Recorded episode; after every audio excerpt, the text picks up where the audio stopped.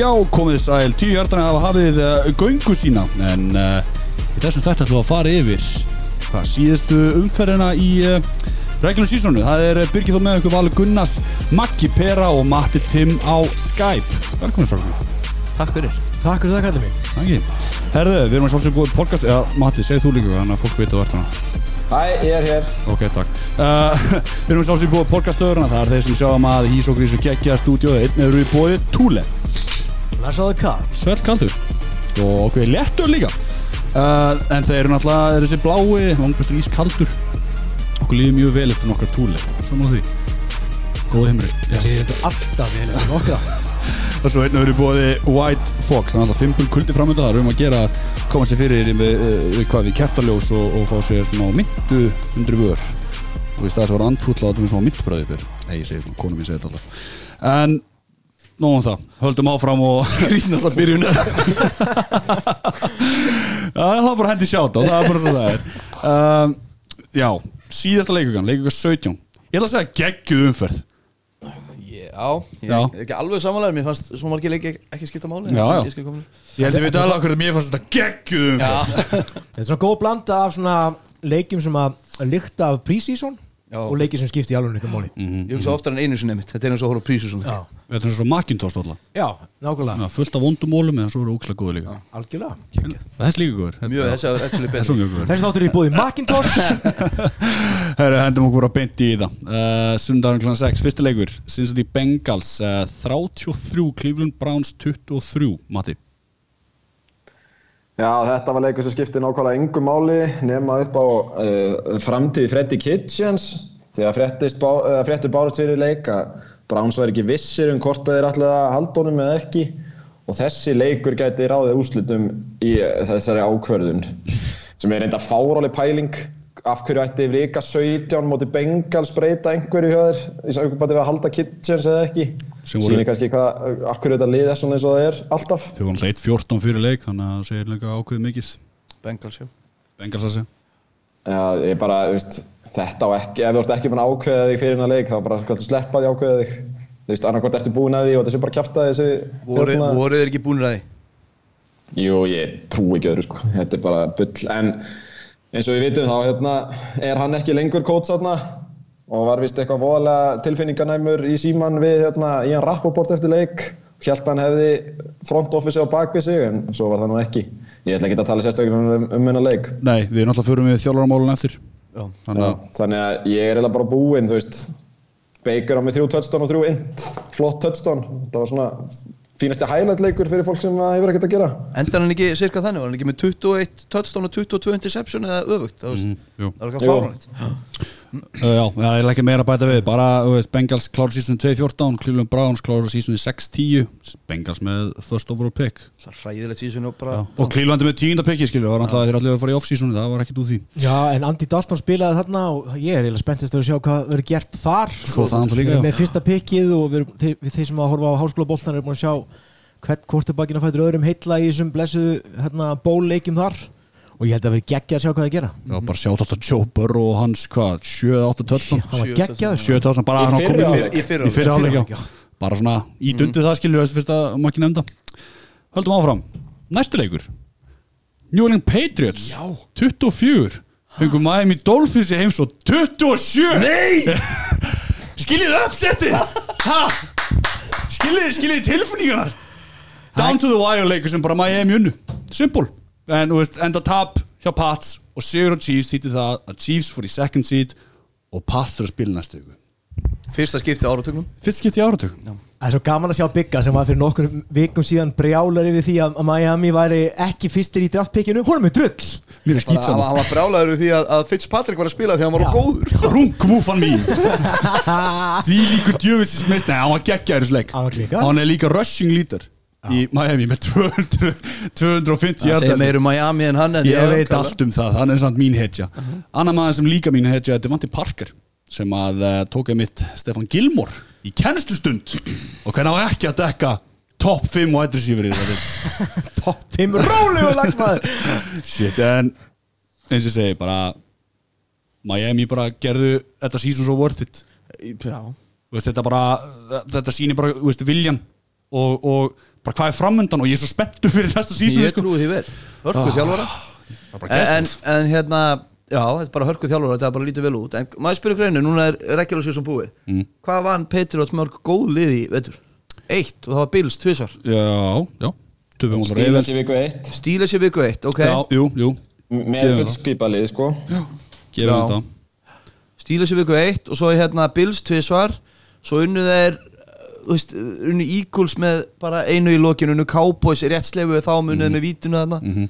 ég bara eins og segi ég já, ég, við tölum um þetta þegar voru 8-0 er, á móti, móti hvað liðum eru búin að keppa? Það bara komið í ljós að það, það var kannski raunin. Þið voru bara búin að keppa til liðum. Liðum Sammála því. Þe- Þetta gæti líka að vera bara upset á, bara mesta upset síðustu ára sko. Já, þetta, þetta er vandralegt að við ekki klára hennar leik Var Klálega þetta í New England? já, já, Já, á Foxboro kallið minn En minna, það, það, sko, uppsett er bara understatement of the year Það er alltaf magnað að Miami Dolphins sem engin bjóst við myndi gera nokkuð skapaðan hlut á þessum tímbili hafi unnið fimm leikindu Brian Flores Nei. og taki Patriots og setja það í wildcard. Þetta þetta er er geggja og þeir eiga þrjú pikk í fyrstu umfyrir næsta nýlega. Þrjú pikk þar sem að sko í leik þar sem að Patriots varð að vinna. Þessi, þetta er bara, þetta er krúsja leikur hjá Belichick og Brady. Fyrir bævíki Og Josh McDaniels. Já, sammála. Þetta er magna Brian Flores, hands down, geggjaður. Og Ryan Fitzpatrick, geggjaður. Já, hann verður mjög líklega kortabak næsta ári en, en eins og ég, við ætlum ekki að dvelja á þetta bara,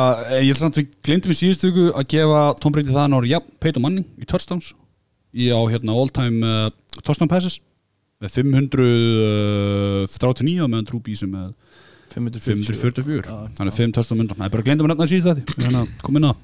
Það en eins og ég, bara pass með þessu sók þeir eru ekki að fara langt, einfalt, ég meina ef, að- ef, ef að Miami gætt þetta skilur í leik sem ekki skiptum áli og Bill Belichick kom að segja þetta væri playoff leikur fyrir það fyrsti já, playoff leikur klárlega. skilur Ég er bara, það sem að ég er að hugsa þess að þú veist, í næstu, næstu umfyrst þá verður að spila sko kvöldleikin í, á Foxboro og svona, maður hefur alveg séð í nýjumlega Patriots gera hluti, skiljið hvað með Sammála, En ég er svona, já, já, en við sko tölum um það kannski, betur á eftir. Og gerum það Þannig að, uh, já, Miami klára sísoni 5-11 og meðan Patriots klára 12-4 Næsta leikur, Minnesota Vikings uh, 19, Chicago Bears 21, Maggi.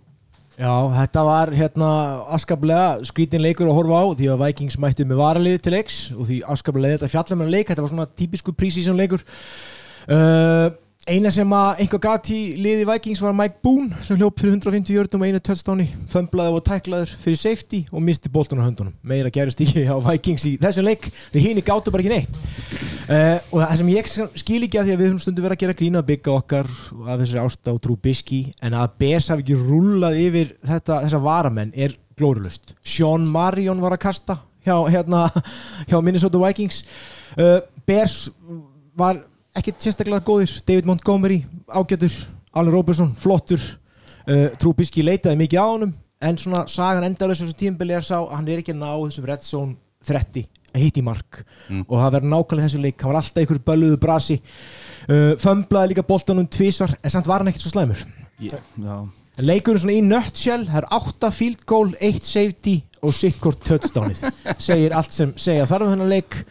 Uh, en Trubisky uh, er orðin annar af kortuböggum í sögu Bers sem að fyrir við 3000 kastjarta þannig að treyjan hans byggjar hún verðmættari Já, tvö fyrir tímabil í vikið. röð, Tvö tvö tímabil í tímabil í röð. röð, takk ég eftir. Uh, David Montgomery var fín uh, en Bers hafa ekki komist í úslit í 8 síðustu nýju tímabilum. Og það lítur að vera ágefni og það verður gaman að sjá hvað þeir gera núna. En það er ekki unnið inni Vikings í þessu leik sem er stórkostlendurett Við munum byrja upp á treyjunu, við byrjum í 250 úr krónum. Já, sko, ég trú Biski, ég trú ekki að hann verði þarna mikið lengur Nei, Ég bara, ég svona fóra þess að hugsa þetta En ég menn eins og segi, eins og ég nefndi síðast þetta Þá væri gaman að sjá hann með hans fyrir vopn. Hann er bara ekki nógu góður ég. Veist, já, ég veit ekki. Ég var oft skotur í mig fyrra en ég er Já. núna valur ég er ekki búin að jafn spennti fyrir honum. Nei. en á sama tíma eins og þið sögðu síðustu þætti hvað annað hefur hann en Alan Robinson hann í kastleiknum Tari Cohen hefur ekki verið jafn, svona skeinhættur í gripleiknum eins og í fyrra. Þannig að það verður gaman að sjá hvað en Jésús Kristur Kanski e- eitt af lokum, svo við kannski tölum ekki ólengi Nefnum að við viljum bæta ykkur við. Er Bears mest á vombriða liðið í ár? Allan í tóþrem Já, það ekki? Jú, ásand Rams allan Já, og, Fals, og Falcons. Falcons. Og Falcons allan. Chargers, maður getur nefnt um Við getum alveg En lið, er þarna alveg bara við toppin Ef ekki á toppin á mínum mati. Já, jafnvel við hendum bara í hana fimmlista eftir. Góð humidvalur, Já. sniður. Uh, Fljótandi podcast.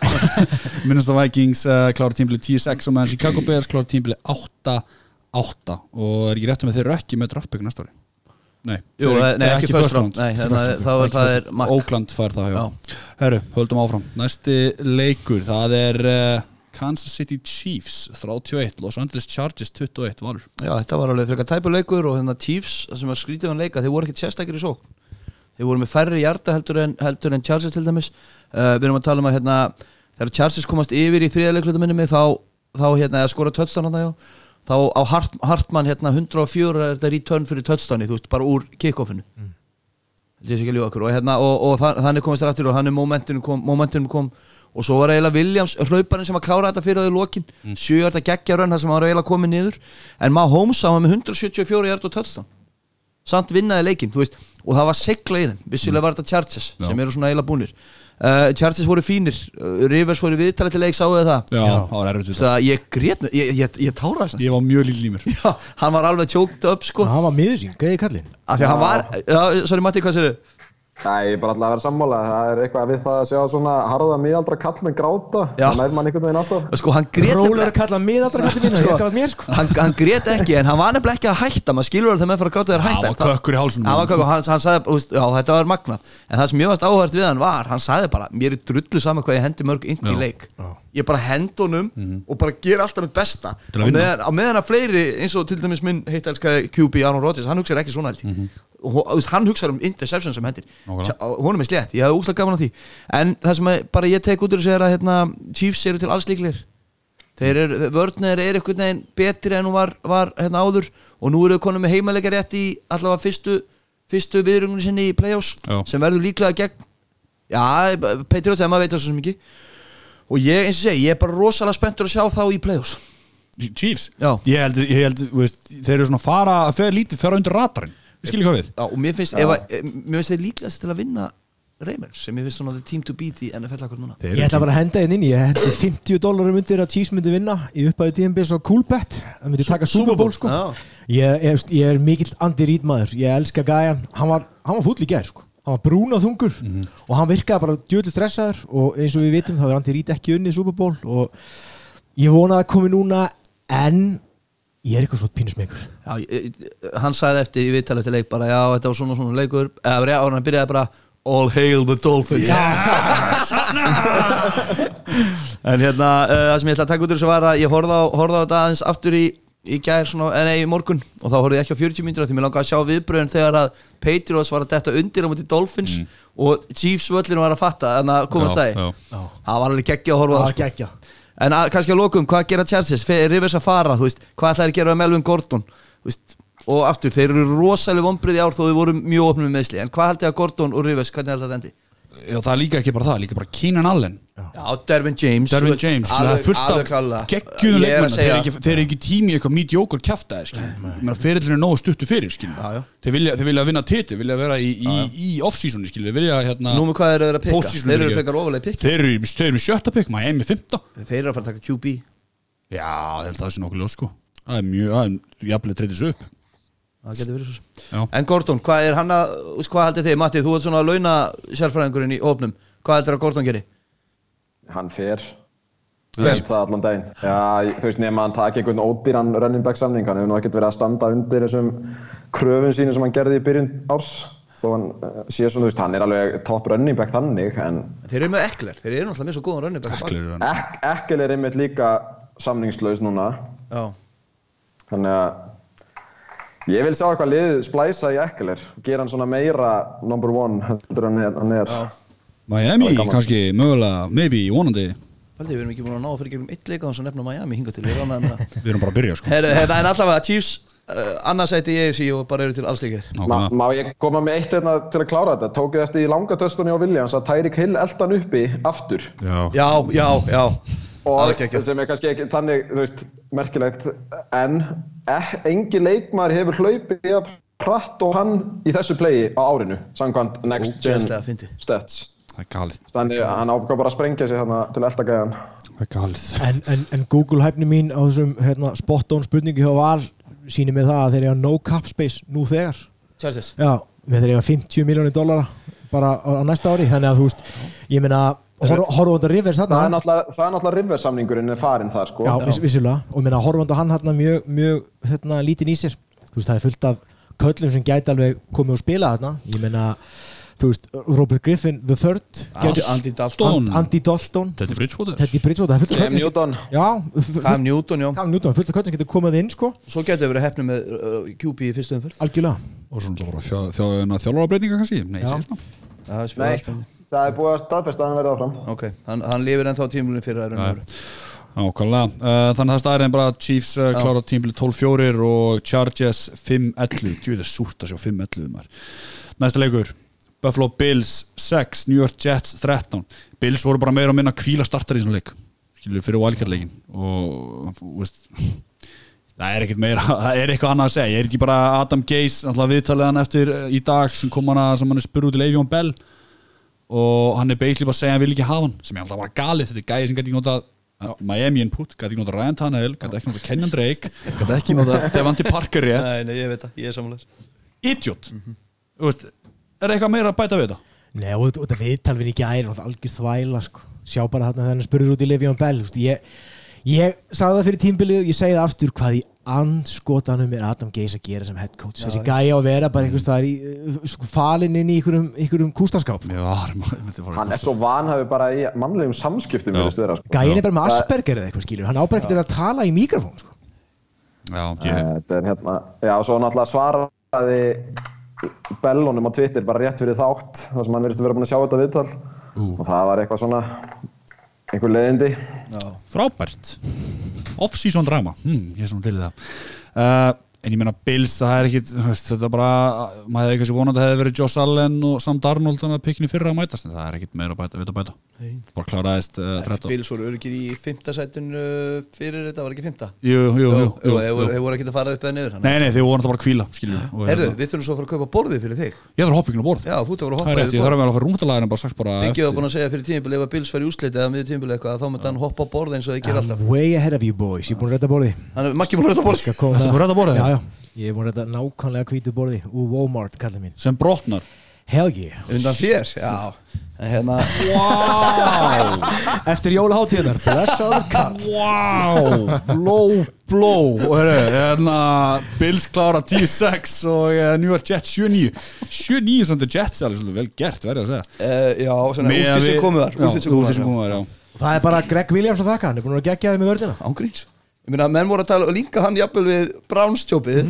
Ég hlakka til að spjalla um hann á eftir. Já, Shit, ég er bara eftir mig það er fyrirgeður kallið minn. Ekki vandið þig. Uh, Næsti leikur, það Náttúrulega Tight end náttúrulega. En já, hvað segir Titandin Birgir, einmitt. Uh, Næsti leikur, það er Detroit Lions 20, Green Bay Packers 23 Valur. Já, kannski árum við byrjum þá var Packers yfir uh, Packers spilaði tvo leikju við Detroit Lions í vetur, þeir voru yfir í samtals 0 sekundur og unnu báða leikina. Pæliði í því það var, voru yfir í samtals 0 sekundur og unnu báða leikina.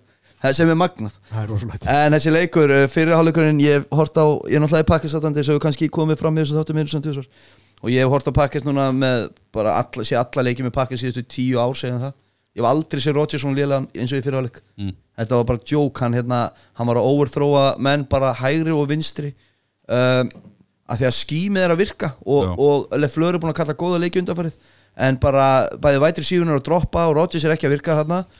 En svo tóku þessu til í setna og unnu leikin eftir að hafa verið tveimur töðstónum undir og svona.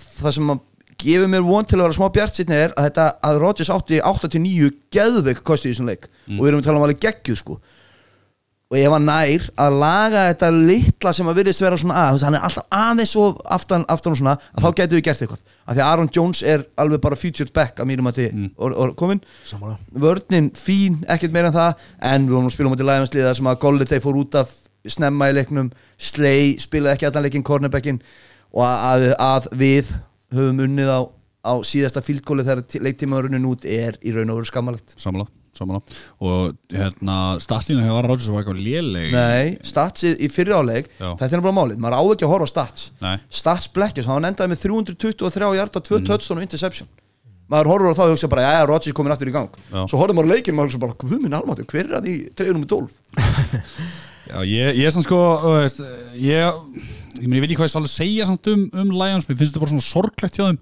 hvernig þetta hefur svona þróast hjá þeim líkt og með Chargers þeir hafa alveg hæfilega og órin með allt Stafford Vá, ok. Nei, ekki alltaf frá. Kvotum að því, ok, nei, kvotum með þetta Þetta er ekki svona gott lið sko. Það er bara, þú veist Þetta er ágætis vætri síverar Vörnin er tveir gæjar Ok, Tveir, þrýr gæjar. Já. Og þetta, þetta coaching staff er umulegt En running, run, góðan running back. Góðan running back, góðan quarterback. Já, versta kort, neða runnibakkin getur aldrei verið það. Heilt ár, eða hann verðist vera. Hann er búin að, hann var náttúrulega með heilmikil meðsli í college Mm. Og hljóp líka mikið Og svo kemur hann inn að inn og er náttúrulega búin að fá, held ég, tvö nýja meðsli síðan hann mætti hennar full Ég er bara, ég, það sem ég skil ekki við Lions er akkur að Patricia er ekki meira í umræðinu um að missa starfið sitt. Það er þeir voru gáð út yfirlýsingu fyrir tveim vikum og sögðu að þeir vilja að fara í meaningful leiki í desember En það er á Þetta næsta helst bara ekki hendur, finnst mér. Ég er sammálaður. Að vilja fara í play og svo halda Patricia. Ég er alveg sammálaður því að vörðin er lélæri en, árun að tók við. Eða hún er alltaf ekki, ekki mikið betri. um, segir. Þetta er tukka sem við tekið áður og við nefntum þetta oft.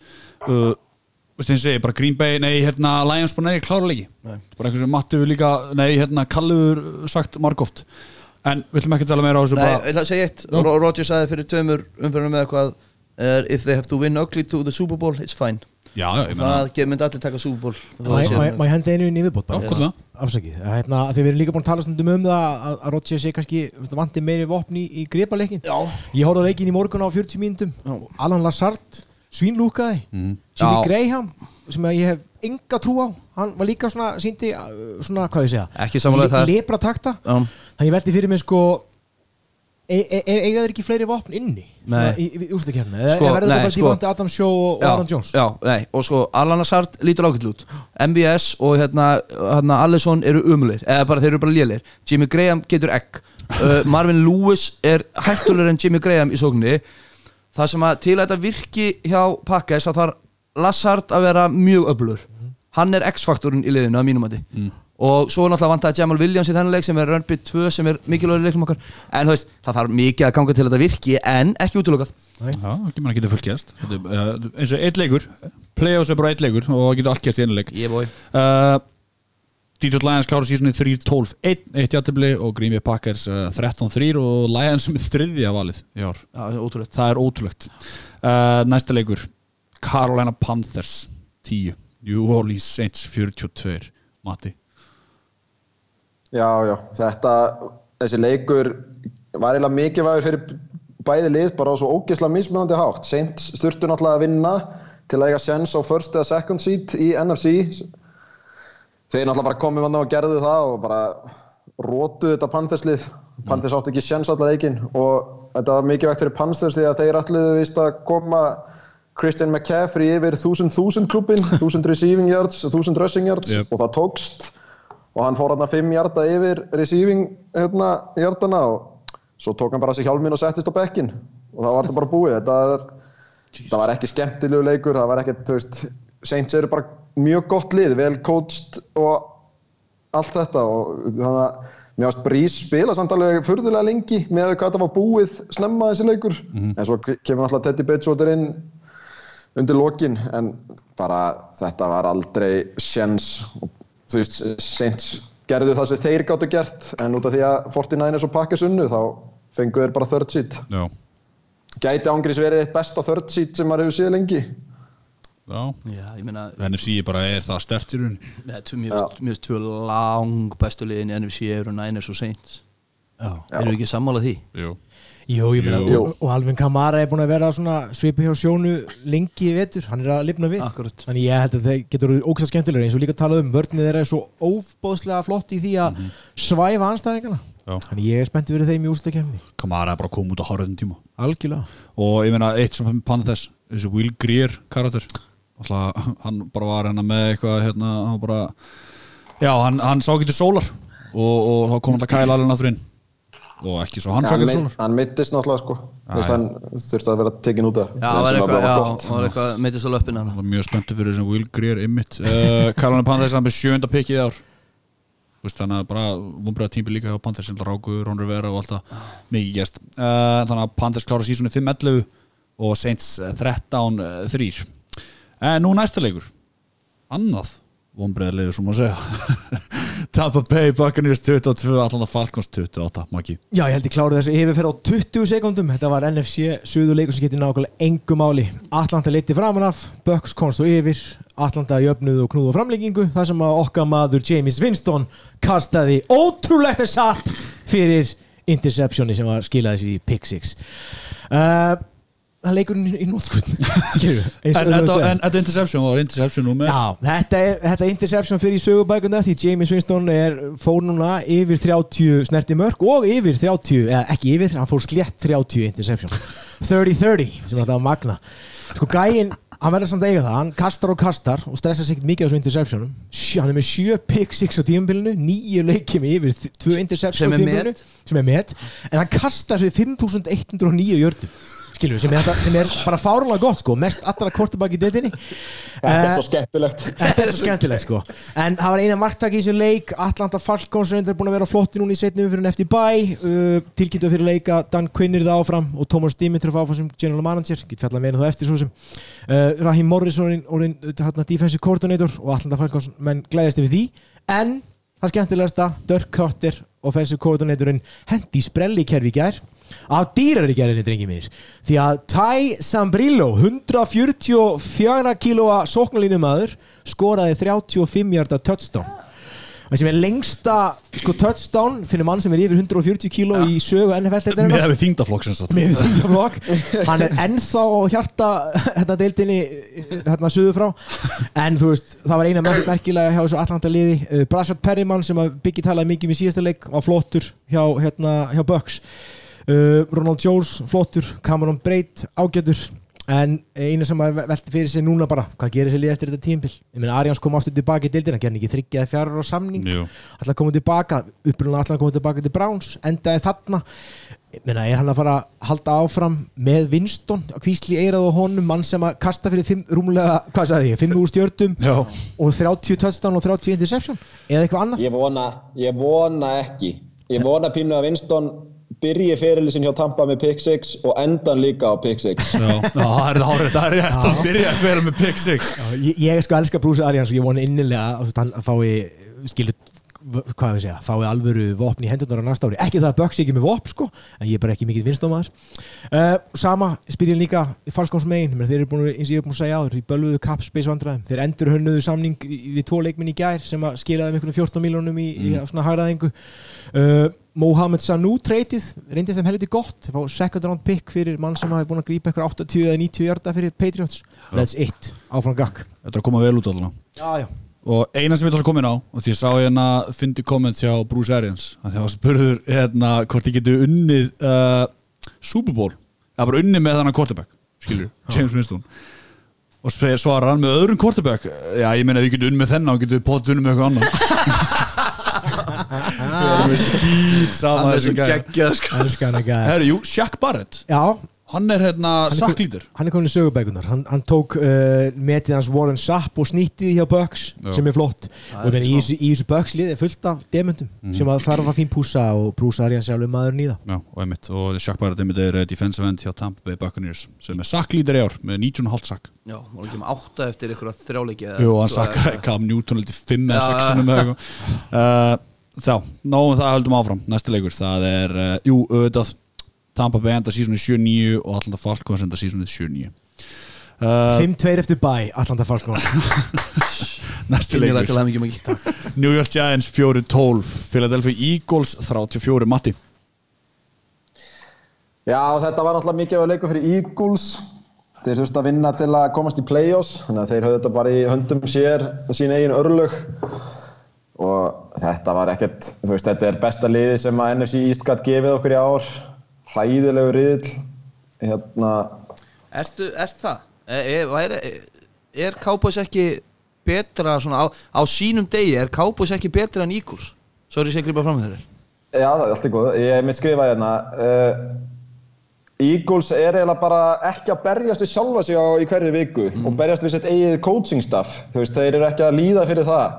Það er svona, þú veist, þetta er besta coachliðið í þessum riðli og það er náttúrulega er mjög mikilvægt inn í play-offs. Ég held að, þú veist, Dallas væri one and done en Philadelphia gæti alveg gert eitthvað bara út af þeir eru svo vel coached. ég bara, ég hef svo miklu ágjum Mér finnst bara enginn vera heill hjá Eagles Sammála Sammála, ég meina annars það sem ég sá ég nefndi uh, tekið fram. 24 leikmenn aða meðist og hafa mist það samlat 178 leikjum í ár hjá rosalegt. Já, þannig að þú veist, meðist líka því sér líka bara hver er að spila hana. Það er bara einhver gæi að grípa hana. Já, já, sem er að standa svo ákveðlega Þannig að þessi, hvað er hann, Ward? Nei, Ward, hvað- já, jú, en það er bara point being skiljur bara að, að þeir eru að byrja að leita í praktiskoti skiljur að leikmennum til þess að Já, koma en á Sack Örts var ekki með þessum leik. Og sem Boston Scott er búin að koma í með látum í síðustu Já, Já, og þú veist, í, í, í þokkabót í það, ég meina Jordan Howard er búin að átífið í kvalingi uh, Deshaun Jackson alltaf kemur, er þetta ekki búin að tala um það að hann geti mögulega komið aftur í nú? Já, ok. ég, minns, ég finnst ég, ekki samt taka það í bókstalum, ég finnst þess að ég hafi lesað eitthvað stað og ég meina næsta mál eins og með Cowboys, þú veist þetta er bara svo, já við myndum ræða alltaf Cowboys leikandi, sorry, ég ætla ekki að dæla á Cowboys. bara Eagles, þetta er bara sem við fáum við verðum bara að setja okkur við það, það er fiskur um ándöfum valur. Já. og þú bara verður að setja það alveg jafn mikið og Eagles eru komnir í uh, playoffs, Já, góð samlíking það ekki? En samt sem aðeins eins og meðan að leik, ég meina Giants voru alveg í þessum leik fannst mér, ég það var svona 17-17 á tímbili, það ekki? Já, en ha, Já, nei, ég er bara, hérna, en Matti, vill ekki klára hann leik, ásækja við grimmið hérna fram með þér. Uh, nei, nei. Þið bara tækluðu þetta helviti vel. Bara flott hjá ykkur ok já, uh, eina, En Giants, ef við ekki að tala aðeins um Giants? Jú, hvað er á Giants, Matti? Já, þeir náttúrulega ráku Pat Sjörmur eftir þetta þetta tímabil sem að er eiginlega eina sem ég tók út úr þessu leik þú veist. Þeir eiga sín púsluspil sem Já. að þeir geta byggt í kringum þú veist, Barkley er náttúrulega eitt besti af raunibækjum deildinni, Daniel Jones er búinn að vera svona sína eitthvað, þannig að það er kannski að setja eitthvað góðan með honum til að þjálfa hann upp.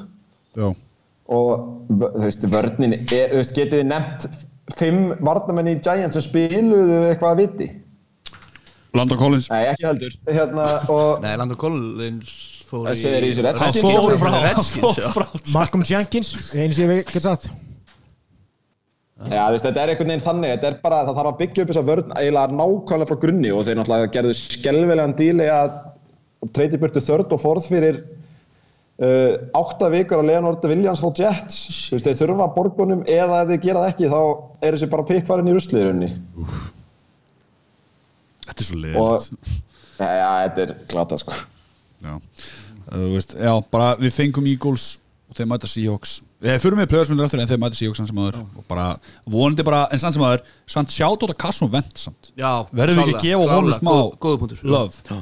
Með við hvað hann er búin að gera og, og burt sér frá rekordinu þeirra sem er náttúrulega hérna 9-7 Já. Þú veist, hann er samt, þetta liðið samt komið í play-offs. Já, og bara með það. þessa vætir sífur Já. þá steg hann upp og bara bara þetta lið á, á herðun sér algjörlega. Klálega. En Eh, uh, þeir Boston Scott, ég vil segja aftur. Sæll, þrjú touchdown í þessu leik. Bara svínlúkaði og Herðu, ég er með breaking news í beinni útsendingu. vítu nú við. Hvað? Uh, Dolphins eru búin að reka offensive coordinator sinni, Chad O'Shea. Ha? Ekki talaði um mig. Ég átti svo vona á miklu meiri breaking news hérna Það er Þetta er högg sko, Já, þetta er huge högg. Biggie er í Þetta Dolphins er gæði sem að reyði í gang til Vandi Parker sko. Rólega ganni Það er nú ykkur ástæð fyrir Nei, joke, hann er ekki búin að geta þetta í fjögur, fimm ár sko. Þetta er fyrst árið sem hann er að breyka þrifið þúsund hjarta Alright Já, ok já. Fyrir ekki aðeins Nei, ég ekki, hei Ég bara, ég bara, maður, ég bara það átti eyðilagði vona á þáttinn. einhverju, þú veist, einhverju breyki Það hefur verið að rekka fjálfar endalust Og liða Miami Dolphins reyka og fanns í koordinator. Nó það, New York Giants 4-12 búið að reyka head coachinn og ja, Philadelphia Eagles klára síðan 9-7 Næsti leikur. Það var leikur sem að skipti við öðru liðallan á máli. Houston Texans uh, 14, Tennessee Titans 35 Texans voru búin að tryggja sig í playoffs fyrir hann leik.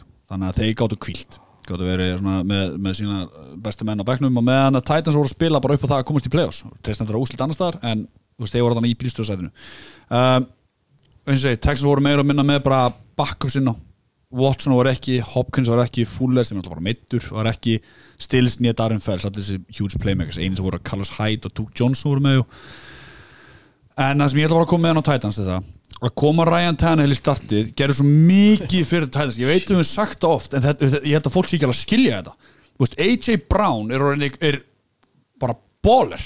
Það er mögulega stærsti receiverinn í deildinni með stærri receiverinn í deildarinnar allavega bara fullt af hæfilegum og ég meina hann er með 70% completion rate Já, sí- fyrst er síðan Joe Montana sko. Tannehill í síðan leikur sem er með nýju hjarta meðaltali í, í loka average og nýjar þetta 70% hérna Krombísurreit síðan í viku 5 eða rétt, frekar en 6 Anna líka, Derrick Henry. Að hérna í fjórða leikilda eða þriða leikilda þurftur hann eitthvað 50-60 hjarta til að hérna taka fram úr Nick Chubb. Já, ég meina maðurinn hljóp visla fyrir þú veist, 32 sinnum fyrir 211 hjarta og þrjú törstan Þetta er bara, þetta er bara fullur maður með, með Þeir leiðu hann ekki að fara út af. Hann ætlaði að fara út af. En svo er nepp inn á með þig. Hann var líka búinn. Hann var búinn á því. og gjörsamlega búinn, hann var ekkert eftir. Og þeir, þeir gerðu líka eitt sem ég aldrei séð á Þeir tóku sko hérna eitt play sem voru sko hérna tíu rushes í tíu playum Já, Það er bara, Við þurfum ekki að flækja þetta, við hlaupum bara. Já, þú þarf að hlaupa hérna og hlaupa næst. Uh, Anna líka að Derrick Henry fyrirleik þurfti 120 hjarta til að ná Nick Chubb. Ég minni það að Dolphins með 250 hjarta rúmlega, já. Ef það. En eins og ég bara Titans fór í playoffs. Texans voru ekkert að spila í þessum leik þannig séð. Nei, nei, þetta er bara svona leikur. Já, Texans enda sísonu 10-6 og Tennessee Titans sísonu 9-7 uh, Næsti leikur. Dallas Cowboys 47 Washington Redskins 16 Já, þetta var áhugavert eða samt ekki. Nei, nei. af því að Cowboys bara vann hennar leik nokkuð öruglega en hann skiptið endur um enga málu það var frekar snemma ljóst. Samt ekkert alveg, ekki 100% ljóst fyrir nýð þriðaleik ef ég maður rétt með Eagles hvort að Dallas myndi fara áfram eða ekki nei, nei, það var meira þess að vídeo af hérna, Jerry Jones upp í stúku þar sem Já. að voru að horfa á Eagles leikin Já, þetta þegar að þeir hérna náðu defensive Já. þeir voru nýbúin að sakka Daniel Jones boltanum og- já. og hérna hann að bara Cowboys segraði þetta en ég meina, eða vann hennar leik en þú veist, þetta tímubila algjör vombriði hjá Cowboys og, og eins, og, eins og ykkur á okkur var að tala um minni með að þá, jafnvel þó að þeir hefði unni leikin þá hefði þetta samt verið Já. það er að segja ef þeir hefði farið í úslit svona Nákvæmlega. þetta hefði samt verið vombriða tímubil Þetta er bara sorglegt í rauninni. Já, bara þetta, veist, ég man ekki, mér minnir að ykkur á okkur, hvort þá ég eitthvað spáði þeim í Super Bowl fyrir tímubil sko. Og þetta var alveg komið þar sko. Jú, ég meina með að við það er sjálfsögðu. Og nú er náttúrulega allt vittlust og nú er eitthvað orðrómur um,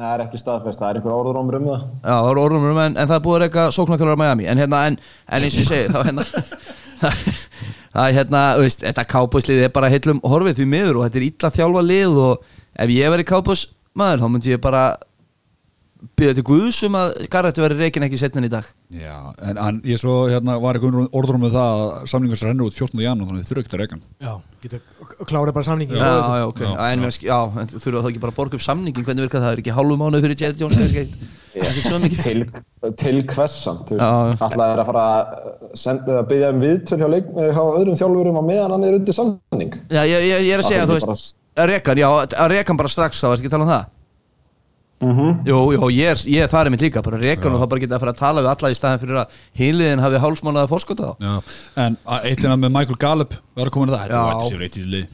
Sko, Amari Cooper, þeir þurfa að borga Amari Cooper og Dak Prescott eru nýbúnir að borga Elliot, Lawrence er, er launaðist leikmar í sögu Cowboys í defensive endinu hjá þeim. Já, Ég er ekki að segja neina vitlu segna nei, nei, ég heldur þetta ég held, ég Já, já, jú, jú, jú, ég er nokkuð Jú. viss um það Þetta verður forvindilegt að sjá hvað Jerry Jones gerir. Já, mjög. Allan að, en ég meina En máli bara, Dallas, sorry Dallas Cowboys jobbið er bara svo skrítið og asnalegt út af Jerry Jones. Það er það, Þú ert með, þú ert með eiganda sem er með útástátt á hverjum einasta mánuði. Mestari þannig að þriðuti, þannig að sama hvað gerist hvort þú vinnur að tapar, þá þarfst alltaf að svara fyrir eitthvað sem eigandinn sagði á miðuguti eða þriðuti Í alveg, þetta er fárunni Já, Samkvæmt over the cap þá eiga það ekki nema 86 miljónir næsta ári í, í cap space. Já, þeir eru eftir að sem Eftir að semja náttúrulega við haug hann Já, ég veit ekki, já, já, ok, ég svo sem þekki ekki samt að það við síkja leilit nú um dag, eh, hérna í byrjun En eitt líka samt með hérna Redskins, það þarf bara almenna uppstokkun í þessu lið Er ekki saman því? Það er gaman að fjalla þá eftir maður, ég er spenntið þar. Já, og, og hérna eina pæling sem er, þú veist Mér er okkur, Josh Norman er líklega átt hann, hann er líka búinn bara. Já, eða eð það, er, er ekki bara komin á það að Josh Norman Það- Hann var í fyrra minn líka Já, uh, Case Keenum farin, spurningamarki fyrir running back stöðuna. Þú veist, Case Keenum er náttúrulega bara backup QB sko en, en hérna já, ég er samt sem veist, ég er er svolítið skilur. fyrir rookie QB-inu þeirra sko. Dwayne Mér- Haskins? Já, mér fannst hann koma til sko. Já, það er satt að byggja í kringum hann. Já, 100% Ekki Skilur, mjög það er það sem ég er að tala um. Já, það er náttúrulega vinnur okkar Terry, McLaurin, hann lítur líka vel út. En Darius Guys á sínum degi, á sínum degi hann rauninbækinn mann hefur séð bara þann dag svo sjaldan. Ég er að segja það, og, en þetta er svo bundið því að þá er þeim Adrian Peterson þið þurfa að halda í að því að það- þið getur ekki treyst Darius Guys, skilur, ég fattu mig. Hvað er ekki eitthvað Peterson 83 ára gerði þetta? Nei, Hann er 33, 33 Nú, er, 83 a- a- er 83 Ég held 83 já ok, já. Hann er svo gammal uh, Google það Þetta er bara. Greir Eskils er bara skítuð franchise sem þarf að þrýfa Það jú, það má Það, hann er 85 85 Hvað heitir áttur hérna presidents á reikinu í dag? Bruce Allen, heitir hann ekki? Jú, og vice president, jú. Já, hann var að fara í þetta. Þannig að það byrja að taka til Allan smá. En svona alltaf bara ræðið þjálfarmál eftir þá fyrir hann spyrir við það hver getur mögulega verið að taka við hana. Klálega. Uh, Næsta leikur. Boltum Raven, já og náttúrulega sjálfsög Cowboys enda síðan 8-8 og Redskins uh, 3-13 og Redskins er með annaval á næsta ári sem náttúrulega bara vil geta Redskins er allur NFC East með top 10 pick eða hvernig er þetta? Já, má, má segja það. Giants alltaf með fjórðavalendin líka, það. Jesus maður, þetta tala að ég, já, ok. Næ- Næsti leikur, Baltimore Ravens uh, 28, Pittsburgh Steelers 10 Maggi, Já, ég held ég væri að fá mjög spennandi leik til þess að fjalla um en svo er ekki uh, Stílis ah. þurftu að vinna þennan leik og ég var geðveitt spenntur að, að sjá svona Stílis uh, hvað ég segja, smetla í gýrin en gerðu það því miður ekki. Sóknir þeirra var í þessum leik vægasagt hræðileg og vinnu minn Stefán Rafn á Dalvík uh, sagði á Twitter að það væri hreinlega mannréttindabrót að fylgjast með þessum sókn. Uh, slík, slík væru hérna hann, hann sagði að hann var eiginlega ánæður og fór ekki í úslit Já, nákvæmlega Devlin Hodges kastaði 25 sinum í leiknum en náði ekki tveggjast á tölu í hefniðum sendingum. Og hann náði heldur ekki yfir 100 kasthjarta. Hann var með nýju hefnaði sendingar á 25 fyrir 95 jördum og ekki snertimark Juju Smith greið fyrir 6 jördum í mikilvægasta leik tímabilsins, komst allt ekkert í gang og Benny Snell eini sem skilaði eitthvað í sóknunni með 91 hjarta og 1 touchdown. Greiði stílæsmenn að halda með þessu liði því sóknunni var ömulega eins og vörðin er búin að vera góð á köplum í vetur uh, Ravens mætti náttúrulega með varalið til X í þessum leik þess að þeir eru komin í úslitin öruglega RG3 byrjaði það inn á í leikstundastöðunni og þess vegna var ég búin að tippa á það að stílæs myndu taka þetta. Uh, og RG3 var ánefa betri kortebakkinni á vellinum þrátt fyrir að eiga enga statsvislu hann kastaði ekki fyrir snertimarki og fór heldur ekki yfir 100 hjarta en helt uh, lífi í sóknunni með því að hlaupa og vasan Ég held að það stuðað eitthvað með að segja að finna til með þeir sem halda með Steelers Því miður stráku mín ja, já, ég, ég hef líka pínu tögut til stíles En þetta var The Gus Edwards Show Hljópur 130 jördum uh, Kastleika var bara ekki til staðir hjá, hjá Ravens Þeir bara trist á hlaupin. Og stígin komi mikið í gegnum field goal og safety Og þeir algjör óþarfa eða meiri púður í, leikin sjálfan. Flott samt með Gus Edwards Ég ljósi að skilja svo Mark Ingram var eitthvað hana Hann er stórnum heitla áttu núna en, en Gus Edwards skilaði tölum samt á móti góðri vörn. Algjörlega. Og það er bara geggja að Já, sjá þetta líka- Fyrir ekki um að þú veist Þetta er náttúrulega bara geggja skím og þeir ætluðu sér að fara yfir rushing meti. Ég held að ekkert lið hafi rössa fyrir fleiri hjarta á einu tíumbili í regular season og Ravens núna. Brutu Það var bara, það var bara held ég, tilgangurinn með þessum leik. Algjörlega, og ég var bara, ég hef sagt það áður og ég segja líka eftir þennan leika, það er gaman að sjá þetta reynislið í ár það er mjög gaman að sjá hvað það geði í úrslutunum minna RG3 kemur inn á og, og, og sýnir libra spretti þannig að þeir eiga vopn víða. Þetta er bara svona sóknar veistla, skýmið er að svínlúka hjá Greg Roman sem er að gera ótrúlega flotta hluti. Og ég er spenntur að sjá hvað það geði í úrslutunum uh, Stíles, við getum fjallað meina um það eftir bara það ekki? Ef við nokkuð eða púrið það núna? Það er alltaf tímumbil Já, spurning með Mike Tomlin Connor ekki verið góður Juju Smith sem áttu næst Antonio Brown ekki verið eitt sérstakur. Og það verður og Big Ben að koma tilbaka verða verða það sami Big Ben, maður veit það ekki. Þannig að að þetta er eitthvað sem að ég ætla samt að peka upp hanska fyrir Juju. Já, Í ljósi þess hver er að kasta á hann já, jú, jú, jú. Og ég meina líka samt allir þessi þvæla sem að fara ekki Big Ben meiðist, með eins og Rudolf verður fyrir hann þessu hana, bíói Þú veist, Mike Tomlin og þetta stílist þeir búin að fara í gjörnum allan anskotan í á sko. Algjörlega. Það er samt búin að koma tilbaka í rauninni. Skiljið hvað við, skiljið Já, hvað það það Ég meina Juju Smith-Hjústur hann er vætir sér eitt hjá Pittsburgh Steelers þetta er ekkert smá hlutverk. Já, já, já, klálega. Menn þú veist, sjá þetta í Andrew Hopkins og kannski ósann geta að byrja með hann en hann er búin að fá alls konar jólusveina að henda á sig. Alltaf skilar hann tölum. Algjörlega. Og ég meina, eins og ég hugsaði þarna skilur að þannig á að verða næsti Antonio Brown. Já. þetta var maður sem á að, á að stýra algjörlega sóknuleiknum meina, í ár spila hann 12 leiki 552 hjartar Já, akkurat. Nákvæmlega. Uh, Höldum áfram, það er bara næsta leikur. Það er, uh, já, ég gleym alltaf að segja hvernig liðið enda. Mm. Bolton Bræðins 14-2 Bæði flesti sigrar í franchise uh, Já, history á Ravens. má ég koma eins inn á það? Því Komdu að kollegi okkar Greg Rosenthal hérna hjá the NFL og kolleganir Já, hann segir að Baltimore Ravens liðið sé besta lið sem að hann hefur séð. Það er svoleiðis. Á regular season það er hann svoleiðis. sagði 0-7 Patriots kannski þarna þeir unna hann Heyrðu það Þór, NFL Ísland. Nei, ég meina hvað segir þið? Ég meina, þetta er náttúrulega, þetta er the team to beat. Við erum allir saman á það, ekki? við erum allir saman þetta er langbæstlið í allan í EFC og ef ekki bara í dildinni Fyrir örstuttu síðan voru menn að tala um það að reka John Harbaugh. Já, bara í fyrra. Já, segja bara að hann væri búin að missa þetta Ekkert að frétta. Já. Greg Roman kemur inn, þeir eru búin að gjöst nú að þessu liði. Það er nýr general manager sem tók við að Ossi. Þetta er liðið gegja Og sé á samt mikið heiður á þessu liði Já, sko, klálega, klálega, klálega. Já, Já, hann er líka þessi nýji, ég man aldrei hvað hann heitir, hann er náttúrulega bara 100% hérna, lærlingur Ossi, sko. Þú veist, hann hefur búin að vera hann alveg heil lengi. Nákvæmlega, höldum áfram. Pittsburgh Steelers 8-8 henda sísunnið uh, næsta leikur.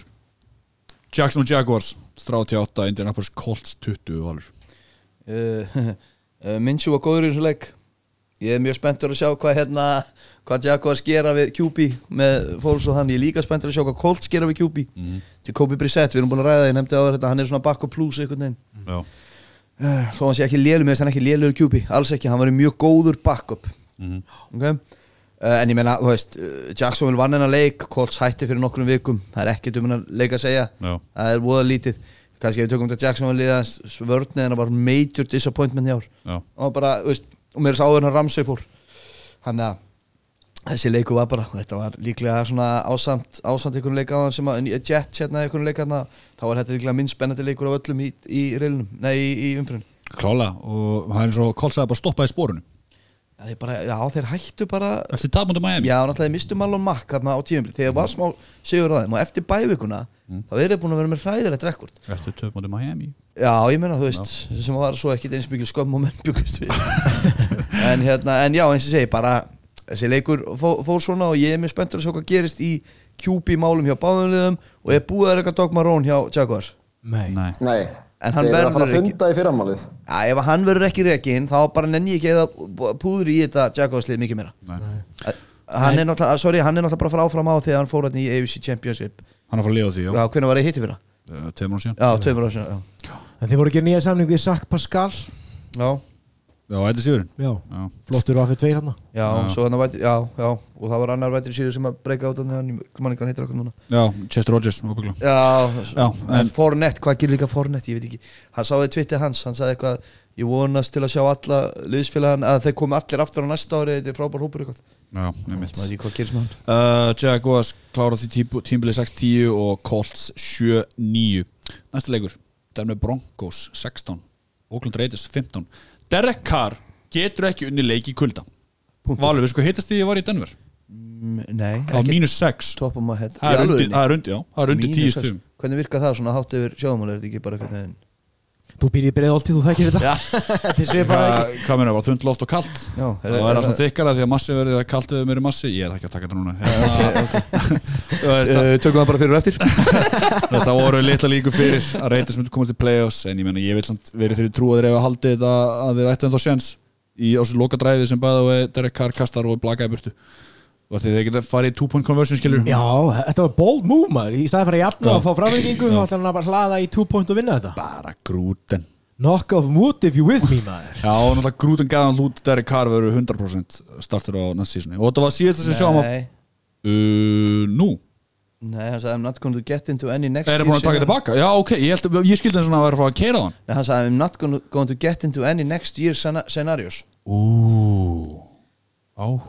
að Matti Þetta verður eitthvað fyndið. Það verður að koma einhver samkeppni, hvort það sé einhver eh, há- hátt pikk.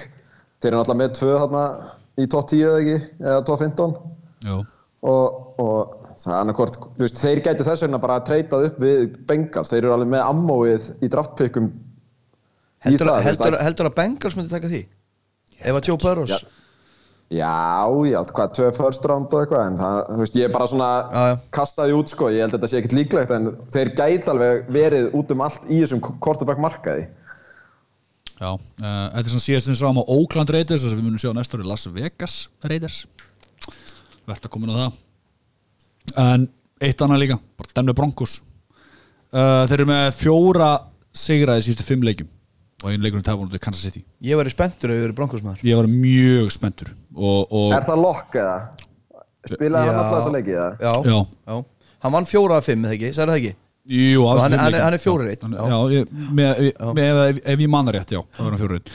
og ég meina, þú veist, hann getur vel gert góða hluti hana ég finnst hann líta vel út, það er það sem ég séð. Ég veit ekki hvort ég sé eitthvað bulla. Sutton er að hann er bara kemur til greina sem offensive rookie of the year hann er ekki rúki, Hann var í fyrra. Hann var í fyrra. Hann var í fyrra, fuck. Hann er öðru ári. Þess vegna komið til greina, sorry. Já, en, en, en, En, segi, já, Philip Lindsay er náttúrulega flottur í fyrra og á heilmikið inni. Úst, Jú, jú, þeir eru alveg flott vopnarna en ég er alls ekki samfæður um drúlokk back, back to back Ég er á lokk-vagninum yes, við erum tveir! Í heiminum? Sáuð hann hann á hliðalínni þegar hann var eitthvað að rappa? Það var eitthvað að rappla ekki í gangi og hann var bara að rappa sko, þetta var geggjað. Þetta var ágrið svo skemmtilegt að sjá þetta að ég heila bara svona held með honum hvort sem hann getur eitthvað eða ekki. Þá vil ég bara sjá hann hana. Það er gaman að sjá hvernig menn á eiginstöðum taka út ástina. Ef hann kann að rappa þá elska ég hann.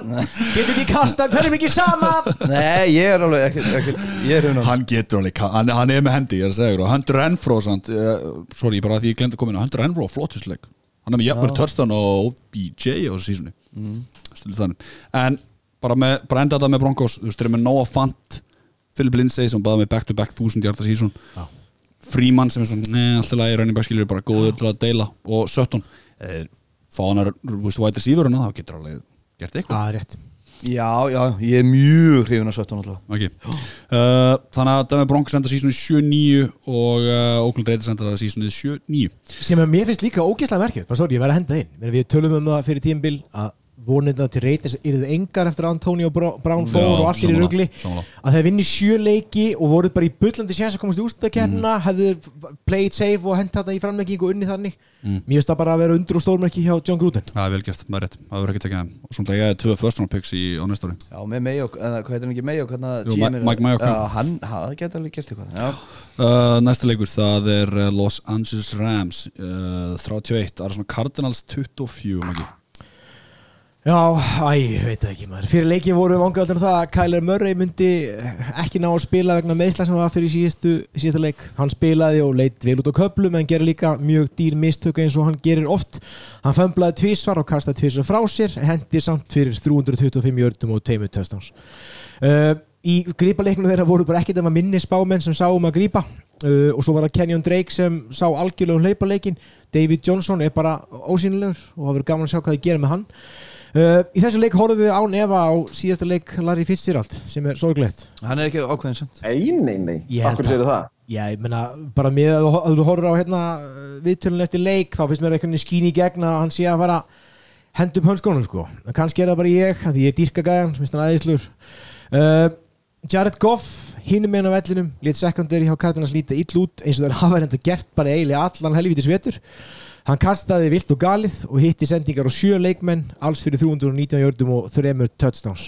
Hann kastaði uh, snertimörku Cooper Cup, Robert Woods og Tyler Higby sem ég er búin að ógeðslega skotin í á undanfjörnum vikum. Hann er búin að svínlúka og verður án efa svona top tight end á næsta ári fantasy með það maður bjóst ekki við neinu á honum fyrir uh, þetta tímbil. Já, við tölum ekkert okkur um það að Titans-daginn væri svona skrítinni á hérna Rams, við vissum ekki alveg hvað hefðum hann Algjörlega uh, Todd Gurley, hann fekk litla hjálp frá sóknlínunni en náði samt að hlaupa fyrir 68 jördum í 20 karris til tölum við í síðustu þætti að hann við lítið, lítið fengið að gerast í síðustu leik.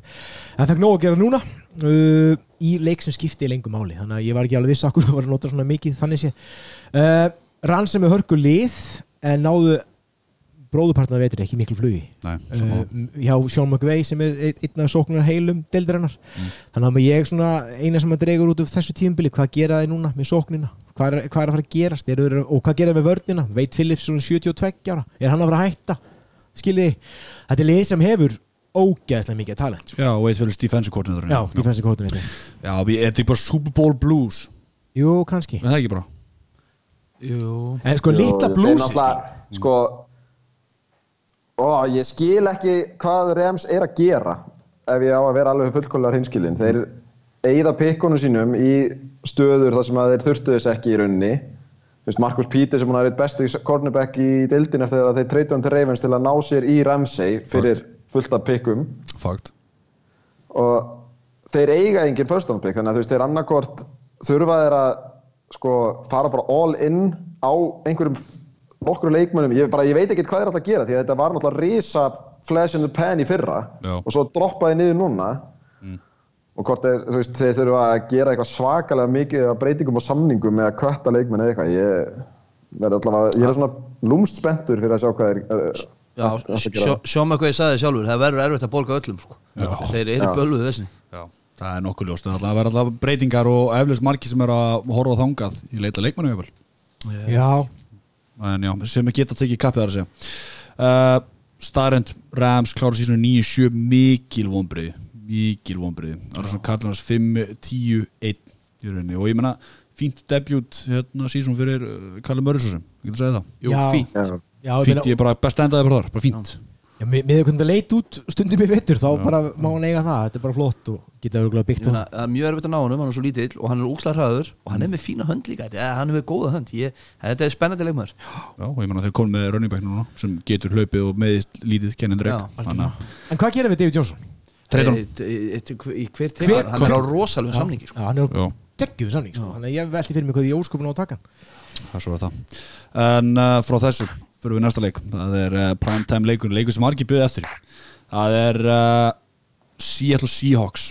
Það byrju ég hvernig, já hvernig Seattle Seahawks 21, San Francisco 49ers 26 og ég beðin um að segja Hot Boys! Því þú segir þetta aldrei maður því Nei, þessi leikur var kjáftæði Tjóðan var þetta mikið rugg Ég vissi, sko, aah Þetta er í fyrsta skipti í sögu tíu hjartala sem við vorum allir vakandi í fyrirháleik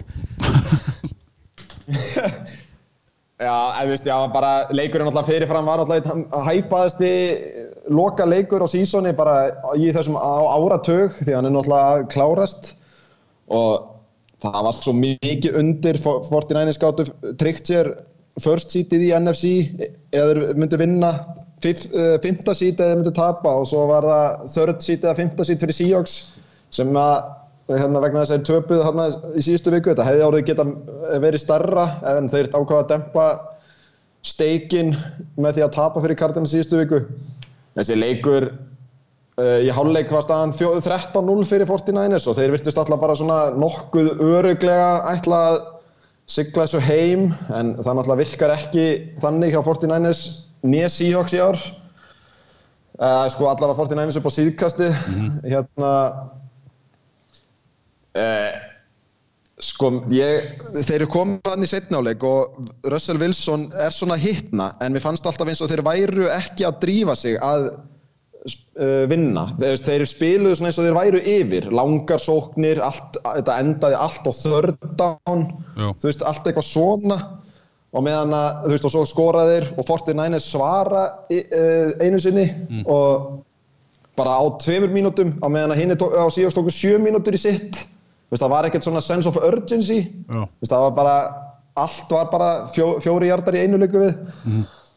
En svo náttúrulega er það sem að gerist í leiknum bara svona sem er hægt að tala um sérstaklega er þarna síðustu hvað 5-6 mínúturnar þá eru uh, Seahawks að fara hérna upp völlin í stuðinni 26-21 fyrir 49ers og fá þarna X-end goal, ég man ekki hvað það var og það hérna endar í fourth end goal og maður heldur svona að 49ers ætla að taka þetta. En þá náðu þeir náttúrulega sjálfsögðu first down en ekki touchdowni þannig að það var komið í first and goal á one yard line og þeir sem muna eftir Super Bowl 49 þá var það að sjálfsögðu playið mikla sem að Martian Lynch hefði mögulega kannski örglega átt að fá hlaupa en þeir láta ynda sig að Patriots. Og þá, þá hlakkaði í öllu liðinu og Lynch hann að skokkar inn á en þá kemur í ljós að tím, klukkun á, á playinu er liðin.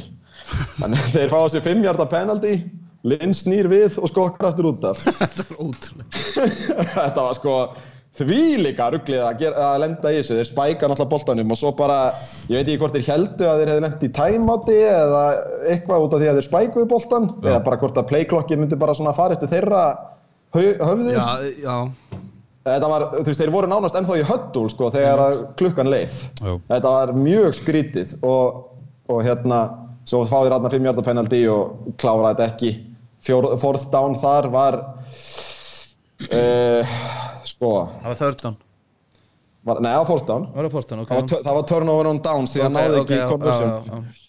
og það munaði tveimur inches sem að sagði mín mútreikningunum 5,05 cm að boltinn myndi break the plane. Þannig að þetta er game of inches og þetta var bara því líka rugli ég held ég, ég, ég er búinn að fá 5 hjarta og full á 5 vikur núna. Allir uh, 49ers leikir hafa endað á einhverju bulli Já. og þeir first seat First Bad boys! Æ, já, ég, sko, við verðum náttúrulega að taka hérna play og undan hérna síðast sem ég held að vera að tala um á down hérna þegar að þeir dæm, þeir skoða ekki einu svona passendu fyrir hans hérna Við erum ekki alveg sammála um það, þú, þú segir að maðurinn hafi hlaupið inn í hann og þess hafa hann gripið hann en skiptir lítið fyrir okkur að Já, já, já, já, ég er ekki sammála, ég er búin að skoða þetta nokkuð sem núna en skiptir ekki máli. En ég skil ekki af hverju þetta er ekki skoðað þeir skoða þetta náttúrulega, þeir gera það alltaf í undir 2 minutes Já, ok, ok, ok, ég skal, ég skal endur þetta. Ég skil ekki af hverju gáðu sér ekki meira en 30 sekundur til að skoða þetta. Það þeir er voru bara svo öryggir meðan hann hljóp inn í hann eins og ég. það er bullshit Matti. Ég ætla ekki að fara að rífast því hérna í podcastinu En það er bullshit. Þetta er síðasta playið sem skip, Og vitið þið fyrir hvaða lið þetta skiptir mestumáli?